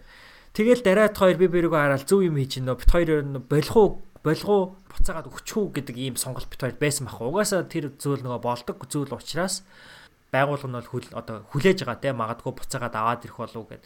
Тэгээ бит хоёр яг тэр үе за яах уу гэд 5 сарын 25-нд George Floyd маань насураад Тэгээд Миннесота мужи Миннеаполис хотод бол яг нөгөө дайн эхэлж исэн байхгүй. Тэгээд бид хоёр чинь тэр аллаг болсон газар 5 минутын зайтайгаа учраас тэр хавьд маш их нөгөө хар эрстэй хүмүүс амьдэрдэг. Тэгээд хар эрстэй хүмүүс маань угаасаа маш их одоо дүрлцсэн байсан. Тэгэхээр бол тий дүрлцсэн байсан энэ үед аль аль талных нь теншн амар өндөр болцсон. Дөрөв хэлжсэн хүмүүс ингээд буу бариад ингээ гудамжинд алхаж исэн үед бол бит хоёр нохоог аваад гадаа гаргаа шээлгэж сурах хэрэгтэй байсан. Гадаа гараад алхаж сурах хэрэгтэй байсан. Тэр нохоо чи хизээж одоо уяан дээр алхаж сураагүй те. Тэр ийм аюултай нөхцөлд тэр нохоог бас тижээх бол бит хоёрт бол маш эрсдэлтэй байсан, амар байсан. Тэгээ дээрэс нөө curfew буюу орой 10 цагаас хойш гарч болохгүй, өглөө 7 цагаас өмнө гарч болохгүй гэдэг ийм юм тавьсан байсан. Тэгэнгүүт тэр үед болохоор цагдаа нар 10-аас хойш гадаа байгаа хүмүүсийг зүгээр гэрийнхаа балкон дээр сууж байгаа хүмүүс рүү бол буудаж исэн. Тэгэнгүүт бит хоёр бол яалтчгүй 10 цагаас өмнө гараад шээлгчээд өглөө 5 цагт бит хоёр ер нь гаргаж шээлгдэг баггүй. Тэгээд 7 цаг хүртэл хүлээх гэдэг бол өөртөө тэр нохоог бас амар хэцүү байдалд оруулчихж байгаа. Тэгэхээр бит хоёр яах вэ яах вэ гэж байгаа. За за ерөнхийдөө бол нэг нэг өдөр хараад үзье гээл тэгсэн. Тэгээ нэг өдөр маань хоёр өдөр болсон, гурван өдөр болсон. Тэгээд нэг мэдсэн чинь Альфонзо маань маа алхаад сурцсан гэрт хизээж нэг ч удаа дахиж чацгаалдаагүй, дахиж шээгээгүй амар сайн нохоо болсон. Тэгээд тэр зам бол өстө нэрээ илсээ ил ингээл зөөлөн илхээр л ингээл цочоол ингээл бүр хамаг бийг ингээл чангараад идэг байсан. Тэгээд би ингээд тэр нохоог ингээл зүгээр бие дээрээ аваад ингээл зүгээр ингээ илд суудаг байсан аахгүй. Тэг ингээд илээл би зүгээр шүү ингээ тэгэл тэр нохоо нэг мэдрүүлэх. Тэг ингээ илээл ахаар нөгөө нохоо чи ингээл маш баг баг хэмжээгээр ингээл тавираал, тайвшраал ингээд явдаг ус. Тэгээ энэ experience-ийг энэ туршлагыг эргээд харахад амар гоё ингээд эд шидийн experience. Ягаад тэгэхээр бүхэл бүтэн нэг амтныг аваад идгээгээд сэтгэл санааны хувьд идгээгээд зовлонгоос нь багч болов гэсэн ингээд холдуулна гэдэг бол бит хоёрын хувьд айгүй тийм аа сайхан зүйл байсан маа. Тэгээд тийм ч учраас энэ зүйл маань их сайхан байсан учраас бит хоёр одоо хоёр дахь нохоогоо түр хараад, гурав дахь нохоогоо түр хараад ингээ явж байна. Тэгэд энэ процесст хамгийн их тусалсан хүн нь гэтээ бит хоёр гэхээс илүү бит хоёрын нохоо байсан яг өөрсдөө маа нохоо. Яагаад тэгэхээр нохоо нохоондоо амар сайн заад юм бэлээ. Нохоо нохоондоо яаж нохоо байх вэ гэдгийг амар сайн сургад юм бэлээ. Тэгээд тэр тэр ингэж харах бол надад айгүй тийм гоё зүйлээс нэ манай нохоо хүртэл бид хоёрын гэр бүлийн нэг шүү. Тэгээ бид хоёроос ч илүү хүүрэг ороод хүний бусад өөр нэг амьтай зүйлийн амьтны амьдралд оруулж байна гэдэг бол бас үнэхээр гайхалтай ийм туршлага байсан. Тэгээ энийг би бол нэг ихний коммитмент болгож бичсэн байгаамаа. За хоёр дахь юугаа тэгвэл үргэлжлүүлээд миний найз хувьд яриа. Миний хувьд бол энэ хэсэг дээр нөгөө ярих юмнууд бол ерөнхийдөө болцсон. Окей. За хоёр дахь хэсэгдэр би товч товчхон дурдах зүйл байгаа. Тэр нь болохоор 2019 оны босгон дээр Skeleton podcast маань нэг 2 сая таталттай байсан те. Тэгээд 2020 оны босгон дээр тэгээ 2021 оны босгон дээр бол 3 сая таталттай болж байгаа шиг байна. Тэгээ зөвөр энэ таталтын тоо яагаад би дурдж байна гэхээр өнгөрсөн жилд болохоор бит хоёр нэг за нэг 20 орчим дугаар гаргасан байна уу да. Ер нь цөөхөн дугаар гаргасан байгаа энэ 20 онд. Энэ цөөхөн дугаар гаргах үед бол надад хамгийн их сэтгэлийн таашил мэдрүүлсэн дугаар маань Finding Chica гэдэг номын хилцүүлэг байсан байхгүй юу. Тэгээд энэ жил болохоор 58 бит 2 би биедээ ярилцаад ер нь хин хин номын хилцүүлгээ хийдэг, хин хин нь ями намиг хиймээрээ үл хийдэг. Ер нь бол өөрсдийнхөө одоо энэ брэнд одоо бүтээгдэхүүнүүдийг те хин хинтэйгээ хуваалцаад ингээд явъя гэдэг энэ decision бит 2 хүрсэнтэй. Иннээсээ би их сэтгэлийн таашаал авсан болов гэж би ер нь бодож байгаа. Тэг яагаад тэгэхээр Finding Chica бол энэ жил бас хамгийн их сонссон дугааруудын маань нэг байсан те. Тэгэхээр бол би эргээд харахад бол хамгийн их сэтгэлээсээ хийсэн хамгийн их бусадтай хуваалцахыг хүссэн контентоо яг хийх үед айгүй хүмүүс хүрдэг. За тэгээд өөрийгөө хүчлээ чахаад хийсэн дугаарууд маань нэг арай жоохон баг хүрдэг. Өөрөө ч сэтгэл хангалуун биш байдаг те. Тэгэхээр бол би 2020 онд контент хийх тал дээр илүү одоо өөрөө хийхийг хүсэж байгаа тэр контентуудаа коммит хийнэ гэж ерөнхийдөө бол бодож байгаа. Тэрийг бол би бичсэн байгаа. Одоо хоёлаа тэгэхээр чи сөрөг зүйлүүд ярих гэдэг нь. Чи бэлэн байна уу? Бэлэн бэлэн. За тэгвэл чаас эхлэх үү? За тийм. За хүмүүс гэдэг зүйл дээр за яг ер нь гэхдээ сөрөг зүйл гэж ярихаас илүүтэй надад их сургамж болсон гэж хэлвэл зүгээр бах те. Яг одоо тийм хүний нэрийг одоо дуртах нь цохимжгүй бах. Тэгэхээр Аха. Миний хувьд бол яг чи түрүүн хэлсэн дээ. Таавн гэдэг хүнийг өөр хүмүүст юу гэж тодорхойлж ярьж байна вэ гэдэг их чухал гэж. Тэгэхээр энэ 20 он бол олон миний хүрээл эргэн тойронд байсан хүмүүсийг бас таниулсан. Магадгүй таавн гэдэг хүн тэр эдэд өөрийнхөө муу зан чанарыг таниулсан тийм цаг хугацаа байсан байх гэж бодож байна. Тэгэхээр ийм гоё үг гэдэг чинь муу үнтэй нөхөрлөж байж байж сайн нөхрийг таньж чаддаг гэж тэр хүний амьдралд сайн муу сайн нөхдүүд ээлжлэл байж лээ. Тэгэхээр энэ надад ямар сургамж өгсөн бэ гэхээр би ингээд энэ хүн өөрөө сайн юм байна гэд бодоол нэг маш богино хугацаанд дүгнэлтэнд хүрээд тухайн хүнд итгэждэг. Гэтэл тэр итгэл нь өөрөө дараа нь миний эсрэг ашиглагдах тохиолдлууд маш их байдаг. Тэр хүнд би итгээд хамаг юм ярьчдаг ч юм уу өөрийнхөө дотор бодож байгаа юм ярьчингууд дараа нь тэр зүйл нь өөрөө миний дутагдaltaй тал болгож хүмүүс түүнийг ашигладаг гэх юм уу. Тэгээ тиймэрхүү зүйлүүдэд би өөрөө маш дургу. Тэгээ тиймэрхүү зүйл бол надад болсон. Тэгээд Хоёрдугаарт миний нэг анзаарсан зүйл нь би өнгөрсөн жил маш даруухан байлаа гэж хэллээ шүү дээ. Аха. Тэнгүүт би өөрөө их хүмүүст алга таших дуртай хүн л дээ. Миний найз нөхөд ингээд амжилттай яваад нүдэн дээр юм хийж чадаад байгааг хараад би цагаан атаархал миний дотор төрдгүүг үл төрдөг. Гэтэ тэр хүмүүсийн амжилтаар би бахаргаж чаддаг. Тим зөрөгтэй, зүрх зөрөгтэй юм баггүй. Аха. Гítэл би ингээд даруухан байх энэ цаг хугацаа ингээд харахад 50 гэдэг хүний тэр амжилт 50 гэдэг хүн жоох юм хийчих гэл ингэнгүүт хүмүүс чи яаж ийн гинэ гэж араас жоохон чангаах маягтай миний хийж байгаа зүйлд алга ташиж чадахгүй, дэмжиж чадахгүй, дэмжлэг үзүүлж чадахгүй тийм зүйлүүд бол ажиглагдсан. Миний ойр дотны найс нөхдөс. Тэгэхээр энэ хоёр зүйлийг ингээ багслаад харах юм бол ирэх онд бол үнэхээр шаардлагагүй гэж бодож байгаа миний энэ энергийг сорж байгаа тийм хүмүүсээс бол зайга барина гэж бодож байгаа. Аа. Тэгэхээр иймэрхүү харилцаа бол хүнийг маш их энергийг сордг юм бэлээ, хэрч хүчийг байхгүй болгодог юм бэл. Тэгэхээр тийм хүмүүстэй бол зүгээр ингээд нэг энгийн найзын танилын төвшин те менттэй устай яваал дэмжлэг тусалж дэмжихээр бол тусалж дамжаал ингээл явцдаг. Тэгэхээр хүн болвол ер нь цөөн маш цөөн гарын 5 уруунд багтах хэмжээний л сайхан найзтай байх л гэмгүүн байна да гэдэг зүйлийг ер нь ойлголоо шүү. Хүн тэгээд их дараахан байгаад хүн ер нь жоохон бэрхшээлтэй тулгарч үзээ. Тэр зохиолдолд бол маш олон хүмүүсийн зан чанарыг таньдаг. Тэгээд магадгүй тэгэл миний зан чанарч танигддаг л ах тэрийг тэрийг хүлэн зөвшөөрөхгүй зарим хүмүүс нь өөрийнхөө дотор хүнийг харуулдаг ч юм уу. Тиймэрхүү зүйлүүд их байсан. Тэгэхээр миний хувьд хүмүүстэй бол тийм хүмүүсийг би үг нэм юмд гомдлоод байдаг хүн л та. Тэгээд бол яалтчгүй энэ жил тийм зүйл гарлаа. Тэр бүх зүйл миний төсөөлж байсан шиг байдаг юм байна гэдгийг бол их ойлгуулсан. Тийм гоё жил, гоё жил байлаа да. Жоон тийм шар хор хөдөлсөн. Сайхан жил байлаа. Зөв зөв надад ч гэсэн зайгаа барья гэж бодож байгаа нэг төрлийн хүмүүс байгаа. За тэр нь ямар хүмүүс вэ гэхээр professional буюу мэрэгжлийн judgment тийм ээ. Үнэлт дүгнэлт янз бүрийн байдлаар би одоо хин нэг нэг чи ингэж хийчлээ шүү наа чин буруу байна шүү гэж ингэж би одоо хин нэг нэг яг мэрэгжлийн ажил албаны төвшөнд одоо хин нэг нэг би дүгнэлээ штэ. Шүүлээ Тэгэхээр яг мэрэгжлийн үнэлт шүүлтийг хүлээж авч чадахгүй түүнийг одоо нэг personal буюу хувийн хэмжээнд хүлээгээд авчдаг хүмүүсээс ер нь зайгаа барих айгүй зөв юм байна гэж бодсон. Яг энэ жил би яг нэг багтай зуны турш ажилласан. Тэгээд бид нар Мороко улсад байгаа хүмүүст ерөнхийдөө бол бүтээгдэхүүн гаргаж өгсөн байхгүй юу? Яг одоо хөгжлийн бүтээгдэхүүн. Тэгээ яг тэр хөгжлийн бүтээгдэхүүнийг ингээ гаргаад өгөөд эцсийнхаа шатанд явж явах үед болохоро бид нэр за энэ бүтээгдэхүүнээ бид үргэлжлүүлж өөрсдөө сайжруулах уу эсвэл энэ хүргээд ингээд дуусгах уу гэдэг ийм хилцүүлэг өрнөх хэрэгтэй болсон. Тэгээ энэ дээр болохоор би ерөнхийдөө бол за би энэ бүтээгдэхүүн дээр үргэлжлүүлж ажиллаж чадахгүй гэдгээ өөрийнхөө багийн гишүүнд хэлсэн.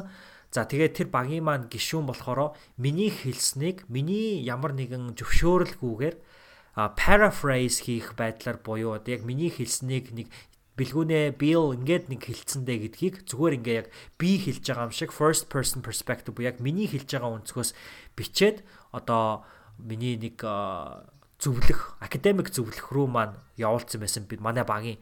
Тэгээ энэ бол амар одоо хизээч мэрэгжлийн байгууллага мэрэгжлийн төвшөнд бол байж болохгүй зүйл байхгүй. Paraphrasing хийнэ гэдэг бол заавал хин нэгний зөвшөөрлийг одоо тэр хүнийх нь хэлсэн үнийг зөвшөөрлийг аваад би чиний чамайг ингэж хэлсэн гэж хэлэх гэж байна. Энэ зөв байна уу гэх тэрийг нь би сонсоо. Тэр чинь үг өгүүлбэр нь зөв байсан ч гэсэндээ яаж сонсогдож ийн гэдэг нь амар чухал. Тэгээд би яг яаж сонсогдож ийн гэдэг нь ерөөсөн таалагдаагүй. Тэгээд би өөрийнхөө багийнхаа өөр бас нэг гишүүнтэй нийлээ. Тэр тэгээ бичсэн охиныг чи ерөөсөө ингэж хэлж болохгүй. Энэ бол ерөөсөө бүдүүлэг зүйлгээ хэлцэхгүй. Мэрэгжлийн байгууллагт ажиллаж байхад мэрэгжлийн ажил хийж байхад хамгийн чухал зүйл болохоор итгэл байдаг. Тэр итгэл итгэл чинь байхгүй бол ер нь бол тэр ямар ч бизнес явахгүй гэж ер нь бол би боддог. Тэгэхээр тийм учраас угаасаа тэр итгэл байхгүй харуулж байгаа нэг зүйл бол тэгэж альва тийм мэрэгжлийн шүүлтийг өөр юмсыг имзэг хүлээж авах бол амар буруу. Тэгэхээр тэр бол итгэл амар алдсан, итгэлгүй гэдгээ харуулсан тийм зүйлээсэн. Тэгэхээр тийм төрлийн хүмүүсээс ер нь бол зайгаа барих хэрэгтэй байна гэж би ер нь бол туршлагаасаа харахад бол бодсон байна. За миний хувьд тийм байна. 51% хувьд энэ хүмүүстэй нэмж хэлэх категори зүйл байгаа. Миний хувьд болсон. За тэгвэл хоёлаа шууд үйл явдал, сөрөг үйл явдал дээр ярих уу? Чиний хувьд юу байна? За тий. За үйл явдал дээр ийм хоёр үйл явдал болсон. Дараалаад энэ ингээд би бас миний хариалагддаг төрийн бас байгууллага байдаг. Монголын уул уурхай уул уурхай ашигт малтмлын залуу мэрэгчлэнүүдийн холбоо гэж. Одоо он гараад бол олон улсын статустай болж байгаа. За байгууллагадад одоо хоёр дахь жил рүү орж байна. Тэгэд 30 30 хэд гаруй гişүүтээ гişүүтээ нэгтлэн бодогчоос ахуулаад уул уурхай анчнаа. Үнэхээр би бол энэ залуучуудыг үнэхээр шилдгийн шилдэг залуучууд цуглаж чадсан гүйцэтгэл өндөртэй ирээдүйд бол энэ улс орны тодорхой салбаруудад манлайлаад явах хүмүүс нэгдэж чадсан баг хамт олон гэж хардаг. За тэгээ энэ баг хамт олондоо би хоёр дахь жилийнх нь ерөнхийлөгчд нэр дэвшсэн. Тэгээ ерөнхийлөгч нэр дэвшээд сонгуулийн мөрийн хөтөлбөрөөр гаргаад энэ нэгсэнд ажлынхаа хажуугаар хийх сайн дурын ажил шүү дээ тийм үү. Тэгсэн 19 хүн санал өгөөд 10 хүн 19 харьцаатайгаар би тухайн сонгуульд ялагдсан. 8 сард ялагдсан байхгүй. За энэ бол миний хувьд бол жоо хүн дээр турч исэн зүйлийн нэг бол мөнөөс юм уу. Зорж исэн эргэжлэл маш олон зүйл хийгээд ботцсон байсан. Гэхдээ хамгийн гол надад цөргөөр туссан зүйл нь юу байсан бэ гэхээр миний өөртөө итгэх итгэлийг тодорхой хэмжээнд унахсан. Яагаад тэгэхээр би ингээд чадна гэдэг тийм итгэлтэйгээр ороод хүн юмд ингээд өвдөг шороодчоор тий. Одоо барилдаанаар бол би давндаа гэж бодоод гарсан чинь өвдөг шороодчоор хүн чинь чи үнэхээр өөрийгөө томоор үнэлсэн байна тий. Бодит хүлээлт чинь өөр төвшин байна. Чи болоогүй байна гэдэг өөрөө өөртөө ярих тийм маш том сургамж болсон миний хувьд. Эргээр турсан том хичээл юм уу? За ингээд байжсан чи дараа нэг юм хөтөлбөр зарлагдсан юм аа. Бас л нэг залуу мэрэгчлэнүүдийг ингээд өрсөлд өрсөлдсөн бас нэг гоё цаанаа бол маш гоё боломжтой тийм хөтөлбөр. Одоо менторийн хөтөлбөр байлуу да. Тэгээ тэнд ингээд өөрийнхөө бичлэгийг явуулж өрсөлддөг. Тэгээ би өөрийнхөө бичлэгийг ажил дээрээс ингээд явуулсан чинь бас эхний шатанд ингээд ганцхан шаттайсан. Та шалгарсангүй шалгараагүй гэдэг мэйл авдаг байхгүй. Тэгээд ингээ хоёр дараалаад ийм болчингууд би өөрөө юу гэж бодсон бэ гэхээр тухайд. Нөгөө хүн ингээд нэг дасгалаа ингээд нөгөө батчин хэлдэг штэ тэгээ нэг подкаст дээр нөгөө миний ярилцлага авсан. Тэгээд одоо хоёулаа жимд очиод ингээд нэг дасгалыг нэг жингээр ингээд хийгээдсэн чинь ингээд миний булчин өрөөс хөөхгүй байна те өөрчлөгдөхгүй байна. Тэгвэл яах вэ гэж. Тэгвэл би дасгалаа өөрчилнө. Нэгвэл багшаа солино. Нэгвэл арга барилаа өөрчилнө, техник өөрчилнө үүнтэй адилхан би ингээд яг нэгэн хэвийн байдлаар ингээд яваад нэг юм дээр ингээд тогтцсон юм шиг өөр дээр тийм мэдрэмж авсан. Хоёр дараалаад ийм юм руу орчгоо. Тэр одоо би хэм маяга өөрчлөх хэрэгтэй байна. Тэгэхээр нэгсэндээ би өөрийгөө ингээд болоод байна гэж бодсон болвол нэгсэндээ одоо жишээ нь ийм одоо тоглоомын дүрмийг энгийнэ тодорхойлвол ингээ 3 үетэй тоглоом бай гэж бодъё л та тий. За тухайн тоглоомыг зохиосон. Тэгсэн чи би нэгдүгээр үеийг би бол тухайн нэгдүгээр үед хамгийн шилдэг нээсэн. Нэгдүгээр үеийг бол хамгийн хурдан хугацаанд ингээд давж чаддаг. Тэгэл нэгдүгээр үе дээр бол би хамгийн лидер. Гэсэн чи хоёрдугаар үе рүү ингээд өөрийгөө орсноо би мэдэхгүй. Яг нэгдүгээр үе дээр байсан тэр арга барилаараа ингээд ажиллаад байсан. Тэгсэн чи хоёрдугаар үеийг би давж чадахгүй ингээд бүтлгүүтэл. Тэгээ би шилдэг нь байсан штэ гэж бодоод. Тэгээ нэг л өглөө ингээд сорсон чинь үгүй би чи хоёрдугаар үе рүү орцсон байгаа штэ тий. Тэр хоёрдугаар үед бол арай өөр төвшний өрсөлдөгч нар миний эргэн тойронд байгаа штэ гэдэг зүйлийг өөрөө бодох хэрэгтэй байна. Тэгэхээр юу гэсэн вэхээр өмнө нь би илүү өдөрт хувийн хөгжилтөөр 2 цаг зарцуулдаг байсан бол үгүй тань одоо чи 3 цаг зарцуулах хэрэгтэй болсон байна. Одоо зарцуулж байгаа зүйлүүдээ хай. Одоо уншиж байгаа номнуудаа бойл. Арай өөр төвшний номыг чи унших цаг чинь болцсон байна. Одоо чи хийж байгаа ажлуудаа ингээд чадаад байна гэж толгойдоо бодоод оо би энэ ажлыг гараасаа гаргаж чадаад байна гэж бодож байгаа бол чи тэр ажлуудаа бол чиний хийж чадж байгаа ажлыг өөр хүнсэн хийж чадчих юм бол чи одоо чадахгүй ажил руу орох болцсон юм байна. Тэгж өөрийнхөө дотор байгаа өөр цоош нь ур чадвар next time байна гэдэг зүйлийг бол ойлгосон энэ хоёр удаагийн дараалсан миний бүтлгүүтэл. Тэгээ энэ бол миний хувьд бол сургамж байдлаар ер нь 2021 онд маш том сургамж ер нь хүчтэй нөлөөлөх баха би тэгж бодож байна. Тэгээ энэ бол Үйл явдал дээр би энэ зүйлийг л онцолж яхахыг хүсэж байна. наадхан дээр чинь ер нь би 100% санал нийлж шүү. Тэгээ хүний амьдралд бол байнгын шинжлэгдэж явах хэрэгтэй зүйлс байдаг те. Тэгээд э, тэрэн дээр ч гэсэн би ер нь энэ жил баггаас цаг зарцуулсан болов уу гэж бодож байгаа. Зүгээр л дор хаяал сонсож байгаа подкаст, үзэж байгаа, уншиж байгаа ном, үзэж байгаа YouTube бичлэг бүх юмнуудаа ерөнхийдөө бол эргэж харах харсан энэ жил. Тэгээд нөхөрлж байгаа нөхөр тэвэ бүх юмнуудаа л харсан да. За миний хувьд болохоор э, би энэ дээр яриа жоохон дадал зуршил талаас нь ярьч. Тэм болохоор би хоёр зүйл байгаа. Тэр хоёроо товч товч шууд хоёулангийн нийлүүлэлтэд хэлчихэд гэж бодож байна. За нэгт нь болохоор би зүгээр энэ жил хамгийн дэмиэс үйл явдал ер нь бол одоо activity талаас нь харах юм бол айгуу тийм тогтмол бус хуваараар унтаж сэрж исэн. Одоо миний нэг унтдаг цаг гэх юм бол нэг 9-өөс 11 цагийн хооронд а сэрдэг цаг гэх юм бол нэг 6-аас 8 цагийн хооронд байдаг хөөхгүй. Тэгээд энэ энэ хооронд болохоор дандаа ингэж сөөлжилж идэг. Ерөөсөө за яг 10 цагт унтаа 5 цагт босдог гэдэг юм ерөөсөө байхгүй.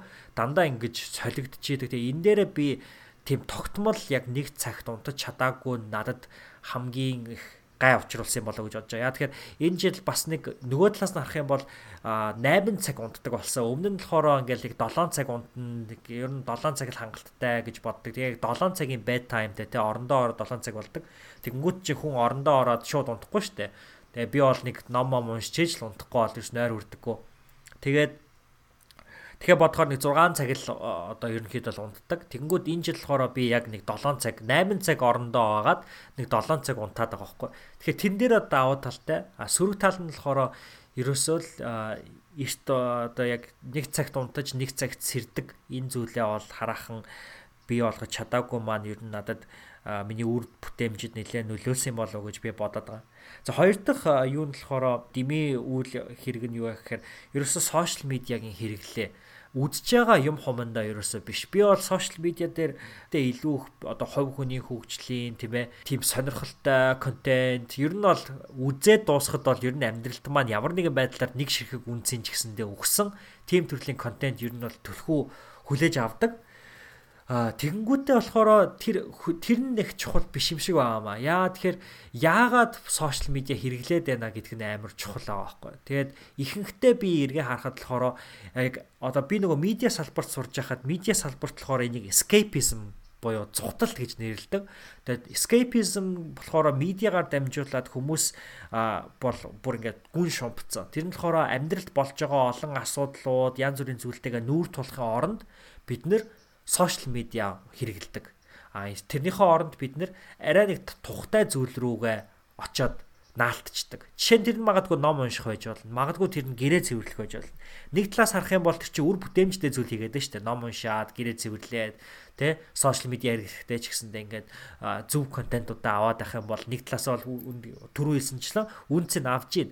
А гэхдээ энэ үнцэн авж байгаа зүйл чинь юуны одоо өртгөөр танд ирж байгаа юм бэ гэдгийг хүн юм бодох хэрэгтэй байлээ. Тэгэхээр бол зүгээр юмнаас цухтаагаад нэг стресснээсээ цухтаагаад асуудлаасаа цухтаагаад сошиал медиа байнга хэрэглээд YouTube байнга үзээд авах юм бол энэ бол ерөөсөө амьдралд чинь гай олж байгаа бас нэг зүйл юм болоо гэж би ер нь бодож байгаа. Өөрийнхөө амьдралаас харахад тэгэхээр бол зэрэг ер нь би 2021 онд илүү сошиал медиа хэрэглээгээ арай илүү бас зохицуулалтаа ер нь эргээд жоохон чангатгах ч ер нь бол зугдах гэж хэрэгэлдэг биш. Яг үнэхээр л юм бүтээх гэж, контент бүтээх гэж, контент түгээх гэж, контент хэрэгтэй контент авах гэж одоо сошиал медиа хэрэгэлдэг.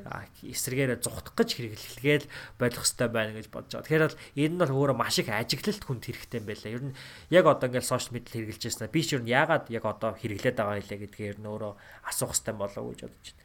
За тэгэхээр миний хувьд бол тийм байгаа. 50-гийн хувьд энэ дээр тутаасан зүйл байгаа илүү. Одоо дахиад хоёр дахь зүйл маань байхгүй наазан болсон. Окей. Дараагийн маань тэгвэл орчий те. Юу байгаа? Commitments байгаа. Тэрэн дээр илүү сүрэг амлалт үүрэг, хүлээс үүрэг даалгавар тийм зүйл чамд юу байна? Ер нь бол ийм сул тал өөр дээр ажигласан. Одоо жишээ нь хүнд окей Одоо хүмүүстэй ямар нэгэн зүйлийг хамтарч хиймээс санагдах ч хүмүүс ингээд санал тавина шүү дээ. Тэнгүүт чадчмаар юм шиг болчмаар юм шиг цаг зарцуул чадмаар юм шиг ингээд хүн шунал гэх юм уу те ингээд суралцах шунал гэх юм уу тэрнээсээ болоо заа гэлчдэг За би цаг зарцуулна хамт нэг баг болъё. Энэ төсөл дээр оролцъё гэх. Тэгээ нөгөө төсөл нь эхлээд ингээд явж байнгут нь тэрэндээ тууштай байж чаддгүй. Аа тэгэхээр би нөгөө цагаа зохицуулж чадахгүй хажуугаар нь ажлаа ачаалч гэдэг юм уу. Өөрөө ок хэлсэн байдаг. Тэгээ тэрийг хийж чаддаггүй. Тэгээ тэр өөрөө маш сул тал юм л. Тэнгүүд хамт ажиллаас ажиллаад хүнд ок хэлсэн хүмүүс чинь нэг удаа хоёр удаа ажиллаж үзэн. Тэнгүүд дараа нь юу гэхээр тэгээ 50-аг санал тавиад хэрэггүй. 50 угаасаа завгүй байдیں۔ Ажил ачаал ихтэй байгаа. Тэгээ цаг гаргаж чаддаг бай.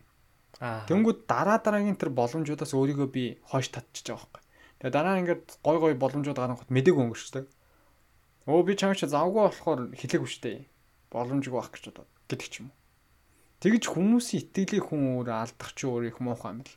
Тэр хүнд үнэхээр ок гэж хэлсэн бол тэрэндээ тууштайхан цаг зарцуулаад ингээд явах хэвээр. А үнэхээр чадахгүй бол найз нь үгүй гэдэг тэр шунлаа хойш нь тавиад чи угаасаа л чадахгүй дээ. Тийм болохоор энэ удаа тэр хүн бусад хүнд нь боломж олоод хүнд ажил удахгүйгээр би энэ удаа боллоо гэж хэлээд өөрийгөө хойш нь татах хэрэгтэй гэдэгтэй бол санал нэгдэх юм бэл. Би бол тийм зүйлийг маш сайн ойлгосон, ухаарсан. Тэгээд энэ төвлөрөл гэдэг зүйл бол амар чухал. Ингээд би бол одоо олон зэрэг юмыг бол угаасаа хийж чаддгүй юм байна гэдэг бол 2020 онд өөрийгөө баталсан.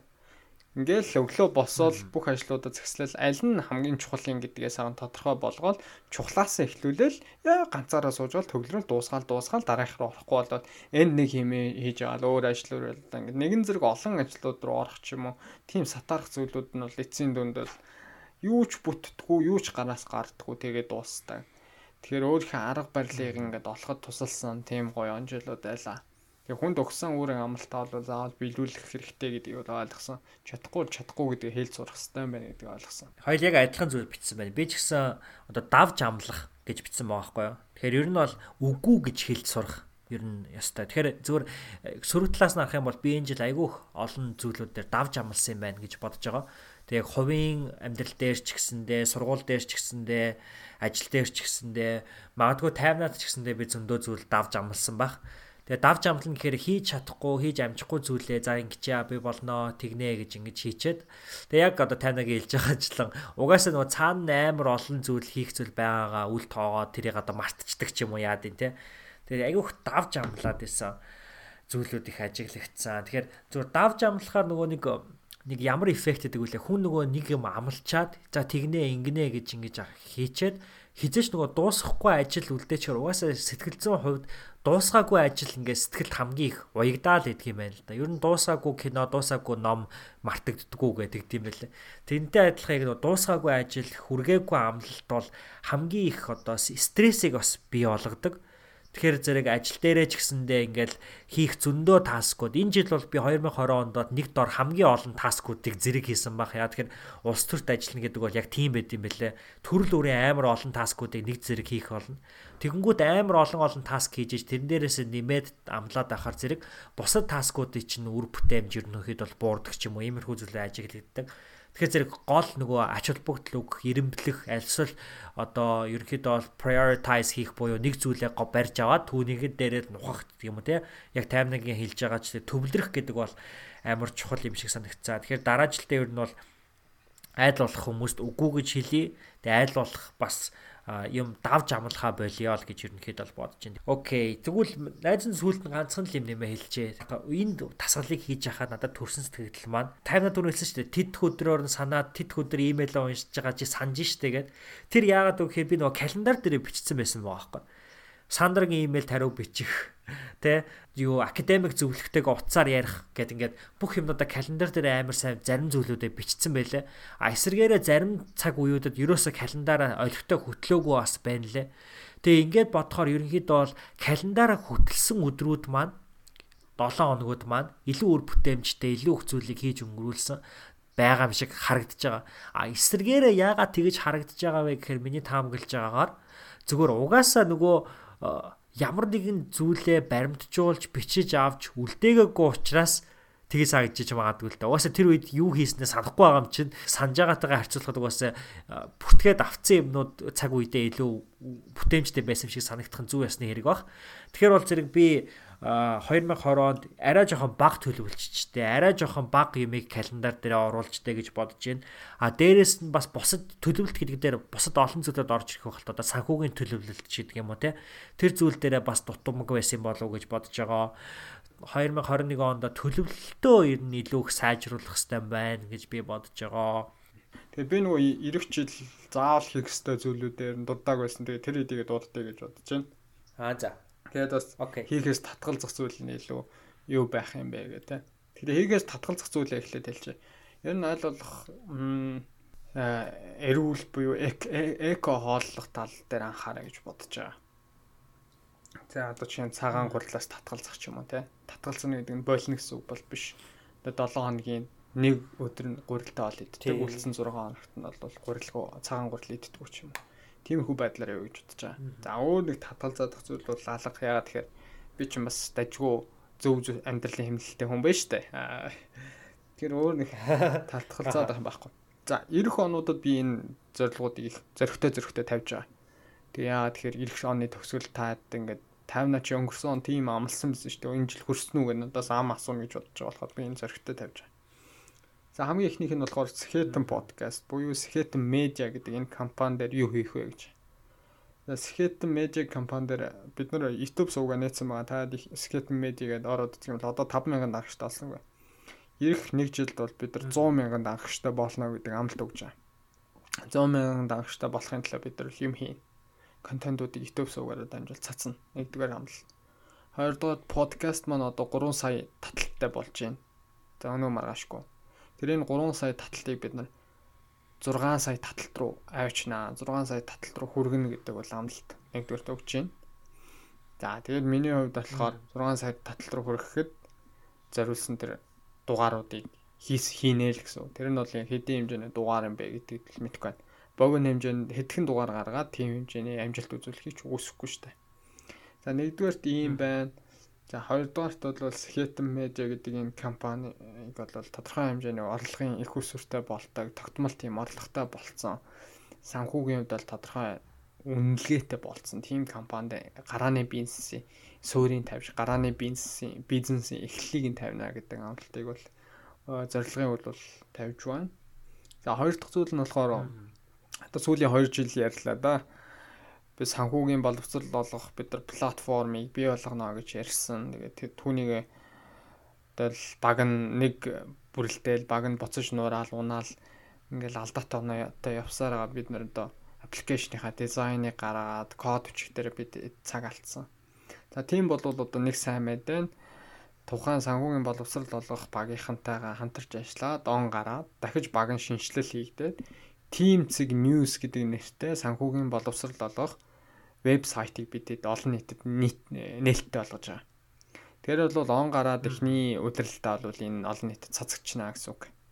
Тэгэхээр TI TIM Цэг News гэдэг нэртэй вебсайтаа та бүхэн нэвтрээд өглөө тогтмол санхүүгийн санхүүтэй холбоотой, эдийн засгийн холбоотой аа эргэн тойронд ямар мэдээлэлүүд болж чинь тэр мэдээллийг авах боломжтой. Хоёрдугаар таны боловсрол чиглэсэн сургалт контентуудыг түүгээр дамжуулж авах боломжтой. За ийм зүйл энэ зүйлийг бол вебсайт хөгжүүлэлтэн рүү оролцоод ер нь бол нэг жилийн хугацаанд хүмүүс ер нь мэддэг болсон. Icon CGM гэхэр хүн болгон мэдчихэж штэ. Тэрнтэй адилхан Team Cig News гэдгийг болохоор санхүүгийн одоо Bloomberg Berg-тэй өрсөлдөх хэмжээний team сайтын суурийг бол эхлүүлнэ баг хамтолноороо гэж бол бид зорьсон байгаа. Тэр он гараад бол дараагийн төвлөрч ажиллах зүйл бол энэ байгаа. За гурав дахь нэг зүйл нь бол одоо түрүүн би хэлсэн байгаа Монголын уул уурхай ашигт малтмлын залуу мэрэгчлэтнүүдийн холбоо гэж. Энэ бол 30 хэдэн гишүүнтэй. Би бол өөрөө нэг хэлцгийн гишүүнээр нь ажилладаг. Тэр өнгөрсөн дараа жил бол гишүүнийхээ үүргийг гүйцэтгэхэд ер нь энэ байгууллагын нүүр царайг ер нь уулуурхай салбарт ажиллаж байгаа энэ залуу мэрэгчлэтнүүдийг олон улсад болон гэд олон улсын статустай болоод ирэхээр бид нэр ингээд олон улсын мэрэгчлэтнүүдтэй хамтарч ажиллах тийм боломж нь бүрдэж байгаа тодорхой хэмжээний санхүүжилттэй болж байгаа. Тэр Монголдоо бид бүхэн бас энэ салбарт сонирхдаг залуучууд мэрэгчлэтнүүдтэйгээ хамтраад улс орныхоо хөгжил дэвшил шинэлэг байдлыг авчрах дараагийн хэмжээнд нь дараагийн алхам хийхэд нь нэмэр болох үс үйл явдлуудыг бол хийнэ гэж бодож байгаа. Тийшээ хувь нэмэр оруулах байх гэж бодож байна. За 2 3 дахь цаг зарцуулах зүйл нэр байна. За хамгийн сүүлийнхэн зүйл бол ажил мэргэжил. Би бол оюутлагад ажиллаад одоо 4 дахь жил рүү орж байна. Одоо бараг 4 4 жил болох гэж байна. Тэр энэ жил бол миний дараагийн тавьсан зорилго бол тодорхой шин зарил одоо хийж 4 жил хийсэн ажлуудынхаа туршлага дээрээс үндэслээд шинэ албан тушаалд өөрийгөө сорно дахиж өөрийгөө сорж үзнэ. Тэгэхээр оны дараа жил оны төгсөлд бол би арай өөр албан тушаалд очсон. Шин тийм сорилттой тулгарсан та бүхэнтэй. За би нөгөө амлсан амлалтандаа хүрсэн шүү. Одоо ийм албан тушаал дээр ийм баг хамт олонтой хамтдаа ажиллаж байна. Ийм зүйлийн төлөө, ийм зүйлийг бүтээхийн төлөө гэж сууж явах гэж бодож байна. За энэ зөрөн дөрвөн зүйл дээр л би цаг зарцуулна. А яг зорьсон зүйлүүдийн хувьд өөр олон зүйл рүү л ерөөс үсрэхгүй За үүний хажуугаар бол зүгээр өдөр тутмын хувийн хөгжил зарцуулдаг ном унших гэдэг юм уу. Эрүүл мэндийн хувь тасгал хөдөлгөөн хийх, эрүүл хооллох. За тэгэл оюун санаа, сэтгэл санаа нэмд өөрийгөө тайван байлгах, сэтгэл зүйчдэр очих ч гэдэг юм уу. Хувийн ментортойгоо уулзах ч гэдэг юм уу. Тиймэрхүү зүйлүүд бол мэдээж хийхцэр байх болно. Дараа дараагийн зорьсон зүйлүүдээ бол давхар хийгээд явна гэж бодож байгаа. За тэгээ хайртай хүмүүстэй хамгийн гол нь цаг зарцуулах хэвээр. Тэр бол ахны амьдралын хамгийн чухал байх хэвээр. Number number 1 зүйл. Тэгээд түүндээ цаг зарцуулах нь тодорхой. Ирэх жил бол одоо өнгөрсөн жилийн энэ дугаар дээр хоёул архирч би 2020 он гэсэн мэлээ шүү дээ. Үнэхээр л ковидоор хашгирлаа хархирлаа л да тий. Хэлээ дээ. Ааха. Тэгэхээр 2021 одоо энэ подкастыг бэлгүүнээ гоё нэрөх байх гэж байна. Тэгэхээр би мэдгүй ер нь маш их сорилтууд байгаа өмнө ихлээд маш их асуудлууд байна. 50 гэдэг энэ хүний хувьд сорилт байна, асуудлууд байна, бэрхшээлүүд байна. Тийм болохоор би энэ жил үнэхээр өөр жил ах хаа гэж бодож байна. Зүгээр тэмцээд үгүй гэж бодож байна. Тэгэхээр энэ гоё жил ах хаа. Энэ оны төгсөл үр дүнгээл харъя дөө. Одоо дэндүү их ярьж байна би бол одоо үзүүлээд өгье гэж бодож байна. Үйлдэлээр л харуулъя. Одоо үнэхээр би өөрийгөө бас их ярьж гин гэж бодож байна. Тэгээд одоо хийх ёстой ах үнэхээр үйлдэлээр харуулах ёстой ах. Төвчээр гарах ёстой ах. Шүд зугаад дайрах үед нь дайрах ёстой ах. Үнэхээр дайчин тийм цог золбоотой эрэмгий амьдрнаа. 21 он. За, найз нь чамд бас амжилт хүсье наад бүх зорилгоодод нь чамд итгэж байгаа шүү. Бүгдөө итгэж байгаа гэж бодож байна. Би ч гэсэн чамд итгэж гэн хүн болгон л итгэж байгаа гэж би итгэж байна. Хоёул учраас амжилт хүсье. Тэгэлгүй яах вэ? Хоёулаа тэгээ тууштай энэ 3 4 жил энэ Сэхэтэн подкастыг Монголд бол анхдагчдын нэг гэж би хэлэх дуртай. Угаас үнэн. Тэг өнөөдрийг хүртэл ингээд авч үүж яах гэдэг бол тууштай байна гэдэг бол гоё шүү дээ. Түүгээрэл бид хоёр бусдаа хүмүүсээс ялгардаг баг. Бид хоёрын тууштай байдалд хүмүүс хайртай баг битүү сайн муу чанартай чанаргүй дугаар гаргахтаа биш битүүрийн тууштай байдлыг хүмүүс дэмждэг баг түнд нь хайртай баг би тэгж боддог. За тэгвэл найз нь сүүлийнхаа үгийг хэлээ тэгээ хоёлаа дуусгах одоо энэ дугаараа. Тэгээд э, би бас жоохон яагаад яарад исэн бэ гэхээр одоо л юу Монголд 12 цаг болчлоо. Тэгээд э, Улаанбаатар хотод маань 12 сарын 31-ний өдөр болчлоо. Тэгээд чамд энэ оны сүүлчийн өдрийн мэндийг хүргье тавина. За баярлалаа. Аха. Тэгээд э, одоо Америкт болохоор 12 сарын 30-ны өглөө болж байна. Тэгээд э, нэг ийм үг би өчтөр сануулсан юм а. Энэ үгийг өмнө зөндөө сонсч ирсэн. Тэгээд өчтөр нэг подкаст сонсож байгаад энэ үгийг хэлсэн. Тэр нь болохоор чиний зорилгоодыг чинь одоо өндөрлөг чиний системийн өндөрлөгөөр хязгаарлагдана гэдэг нэг иймэрхүү үг байсан. Тэгэхээр зэрэг нөгөө хүн амьдралдаа ямар ч зориг тавиад яг тэр зоригтой хүрэх системүүдийг нь бий болгохгүй бол а тэр зоригтой хүрэхгүй л гэсэн үг байгаа байхгүй. Тэгэхээр энэ дээрээс нэмээд бас 2020 оныг эргээ харахаар тайна мань одоо хэллээ шүү дээ 2020 он бол архирч бууж илгээ бит хоёр бичижсэн байна гэдэг. Тэгэхээр тэр үед болохоор бит хоёр шинэ 10 эхэлж гин те нэг жил биш бүр шинэ 10 эхэлж гин гэдэг. Тэр учраас э, энэ гоё жил болох байх гэдэг айгүй ихтгэлтэй байсан. Тэгэхээр зэрэг тэр ихтгэл маань бол алдраагүй. Ягаад тэгэхээр дүнгэж 10 10-аар нь харах юм бол том дүр зургаар нь харах юм бол 2020 он бол зүгээр нэг том тесрэлтийн жил, нэг том чулуу шидсэн л жил байла тий. Тэгэхээр бол зэрэг хүн болгоны амьдралд маш том нөлөө үзүүлж байгаа. Тэгэхээр энэ нөлөө маань эргээгээд дараагийн бас 9 жил, дараагийн 10 жилийг ерөнхийдөө бол маш том түлхэц болох болоо гэж би бодож байна. Гэхдээ зүгээр 2020 он надад хамгийн их бас ойлгуулж байгаа зүйл нь юу гэхээр юм болгон төлөвлөсний дагуу, юм болгон бодсны дагуу болдоггүй байна гэж ерөнхийдөө бол харж байна. Тэгэхээр зэрэг юм болгон бодсны дагуу, төсөөллийн дагуу байдаггүй учраас би 2020 онд цаашлаад илүү л одоо доороо бодолтой, ухаантай нэг ээж аав нар нэг Монголд явхад Монголоос ингээд их гадаадшаа явхад надад миний ээж ялангуяа ээж маань ингэж эхэлдэг те бодолтой яваарай гэж эхэлдэг. Тэгээ би энэ бодолтой яваарай гэж шилдгийг нь зөвөр mindful байгаарай гэж одоо англи хэлэнд хэлж байгаа юм болоо гэж боддог байхгүй. Ерөнхийдөө бол зөвөр доороо бодолтой тэ нэг сандрах биш. Нэх их догтлох биш. Зөвөр ингээ амгалан байж сураарай тэ бүр ингээ баярлал, бүр ингээл уйлал, гуниглал байх биш. Ерөнхийдөө бол маш тийм амар амгалан байж сурах. Тэгээ өөрийгөө ингээ сандраад байна уу, баярлаад байна уу, энэ үед нь өөрийгөө ингээ ажиглцдаг. Би чинь баярлж ин да, би чинь сандарж ин да гэд ингээ ажиглцдаг.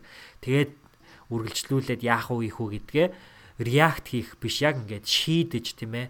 За ингээд да тэгээд да гэж ингэж ухамсартайгаар хандах чухал юм болоо гэж бодож байна. Тэгэхээр би 2021 онд ер нь бол үргэлжлүүлээд бясалгал хийх чадвар тийм ээ эндгээр зүйлүүд дээрээ илүү их ажиллая л гэж бодож байна. Бясалгалаа үргэлжлүүлээд хийн илүү их гадуур алхах нь алхаж явахдаа алхах бүртээ гიშгэж бай гэж нөгөө энерлийн дуун дээр хилдэгшин хилдэгчлэн алхаж явахдаа ч гэсэндээ тэр бол бясалгал гэдэг үүднээс амьдралынхаа өдөр тутмынхаа үйлдэлүүдийг яг тухайн үедээ тэрийг яг яг тэрэн дээрээ л төвлөрч бүх анхаарлаа тэндээ хий өгч ингэж бас өдөр болго амьдраасаа гэж би өөрийнхөө ирээдүйн өөрөөсөө бол хүсэж байна да. Тэгээд бас эргээд 2020 оноос харахад бол одоо би түрүүн хэлсэнчлэн миний нөгөө амьдралын 80%-ийг бий болгосон зүйл маань яалтчгүй өөрийнхөө танилын хүрээ network-ийг хэрэглэх байсан. Тэгэхээр бол үүнийгээ үргэлжлүүлээд би бол network-оо танилын хүрээгээ тэлэх тийм ээ. Тэр танилын хүрээгээ илүү дотн болгох эдгээр зүйлүүд дээрээ л ерөнхийдөө бол сайхан бай гэж бодож байна. За тэгээ өндөрлөлийн үүд явц талаас нь бол одоо сургуулаа магистрийнхаа дипломыг аваад төгсөх. Тэгээд Монголдо очих гэдэг хоёр том үйл явдлаа. Тэгээд энэ хоёр том үйл явдлын хойно гарчих юм бол тэгээд бусад зүйл маань аяанда болно бүтэн гэдэгт бол би үнэхээр итгэлтэй байгаа. Тэгээд угаасаа бизнесийн маань хамтрагч тайвнаа учраас би бол итгэлтэй байгаа. Тэгээд тайвнаадаа найдаж байгаа. Тэгээд тийм учраас бол надад нэг амар санаа зовоод айгаад ах зүйл ерөнхийдөө бол алга гэтээ зүгээр амьдралын сорил даваанууд бол байгаа. Тэгээд тэр даваануудаа сайхан давчих юм бол бүх зүйл сайхан байна гэдэгт бол ер нь бол ихтгэлтэй байгаа. За тэгээд энэ хүрээд Намин подкаст болон 50-та хамт номын хилцүүлэг за тэгээд бит хоёрын өмнө хийж исэн зүгээр зочдтой ямар ч хамаагүй сэдвээр ярьдаг зүгээр сэхэтэн шоу гэж бит хоёр нэрлэдэг байгаа те. Энэ подкастуудтай хамт байсаар ирсэн бүх сонсогч та бүхэндээ маш их баярлалаа. Тэгээ одоо бид нэр энэ жил маань YouTube руу нилээн бас ороод 50 маань энэ жил Skeleton podcast-ийн онцлог контентыг бол YouTube дээр бол хийсэн байгаа. Тэгээ хамгийн анхны хоёр видео контентыг хийсэн. Энэ жил хамгийн их сонссон дугаар байгаа. Тэгэхээр зэрэг би бас таймнадаа бас ийм гоё контентууд хийсэнд баярлаа. Сонсдог хүмүүст нь бас баярлаа. Бүгдөөрэнд нь баярлаа гэж хэлээ. Тэгээ сүүлд манай хүрлээ маань бас анимашнээ оруулсан байгаа. Тэгэхээр энэ контентууд маань ингээд баяжаад баяжаад улам баяжаад сайхан буянтай баян сайхан жил бас гарч байгаа гэж би итгэж байна. Тэгээд бүгдөөрэнд амжилт сайн сайхан бүхнийг хүсье. Ярьсан хэлсэн зүйл амлалтанда бүгдээр хүрхийн төлөө явцгаа бүгдээрээ эрүүлэнх тайван амгалан ирч хүчтэй айцгаараа. За баярлаа. Баярлалаа.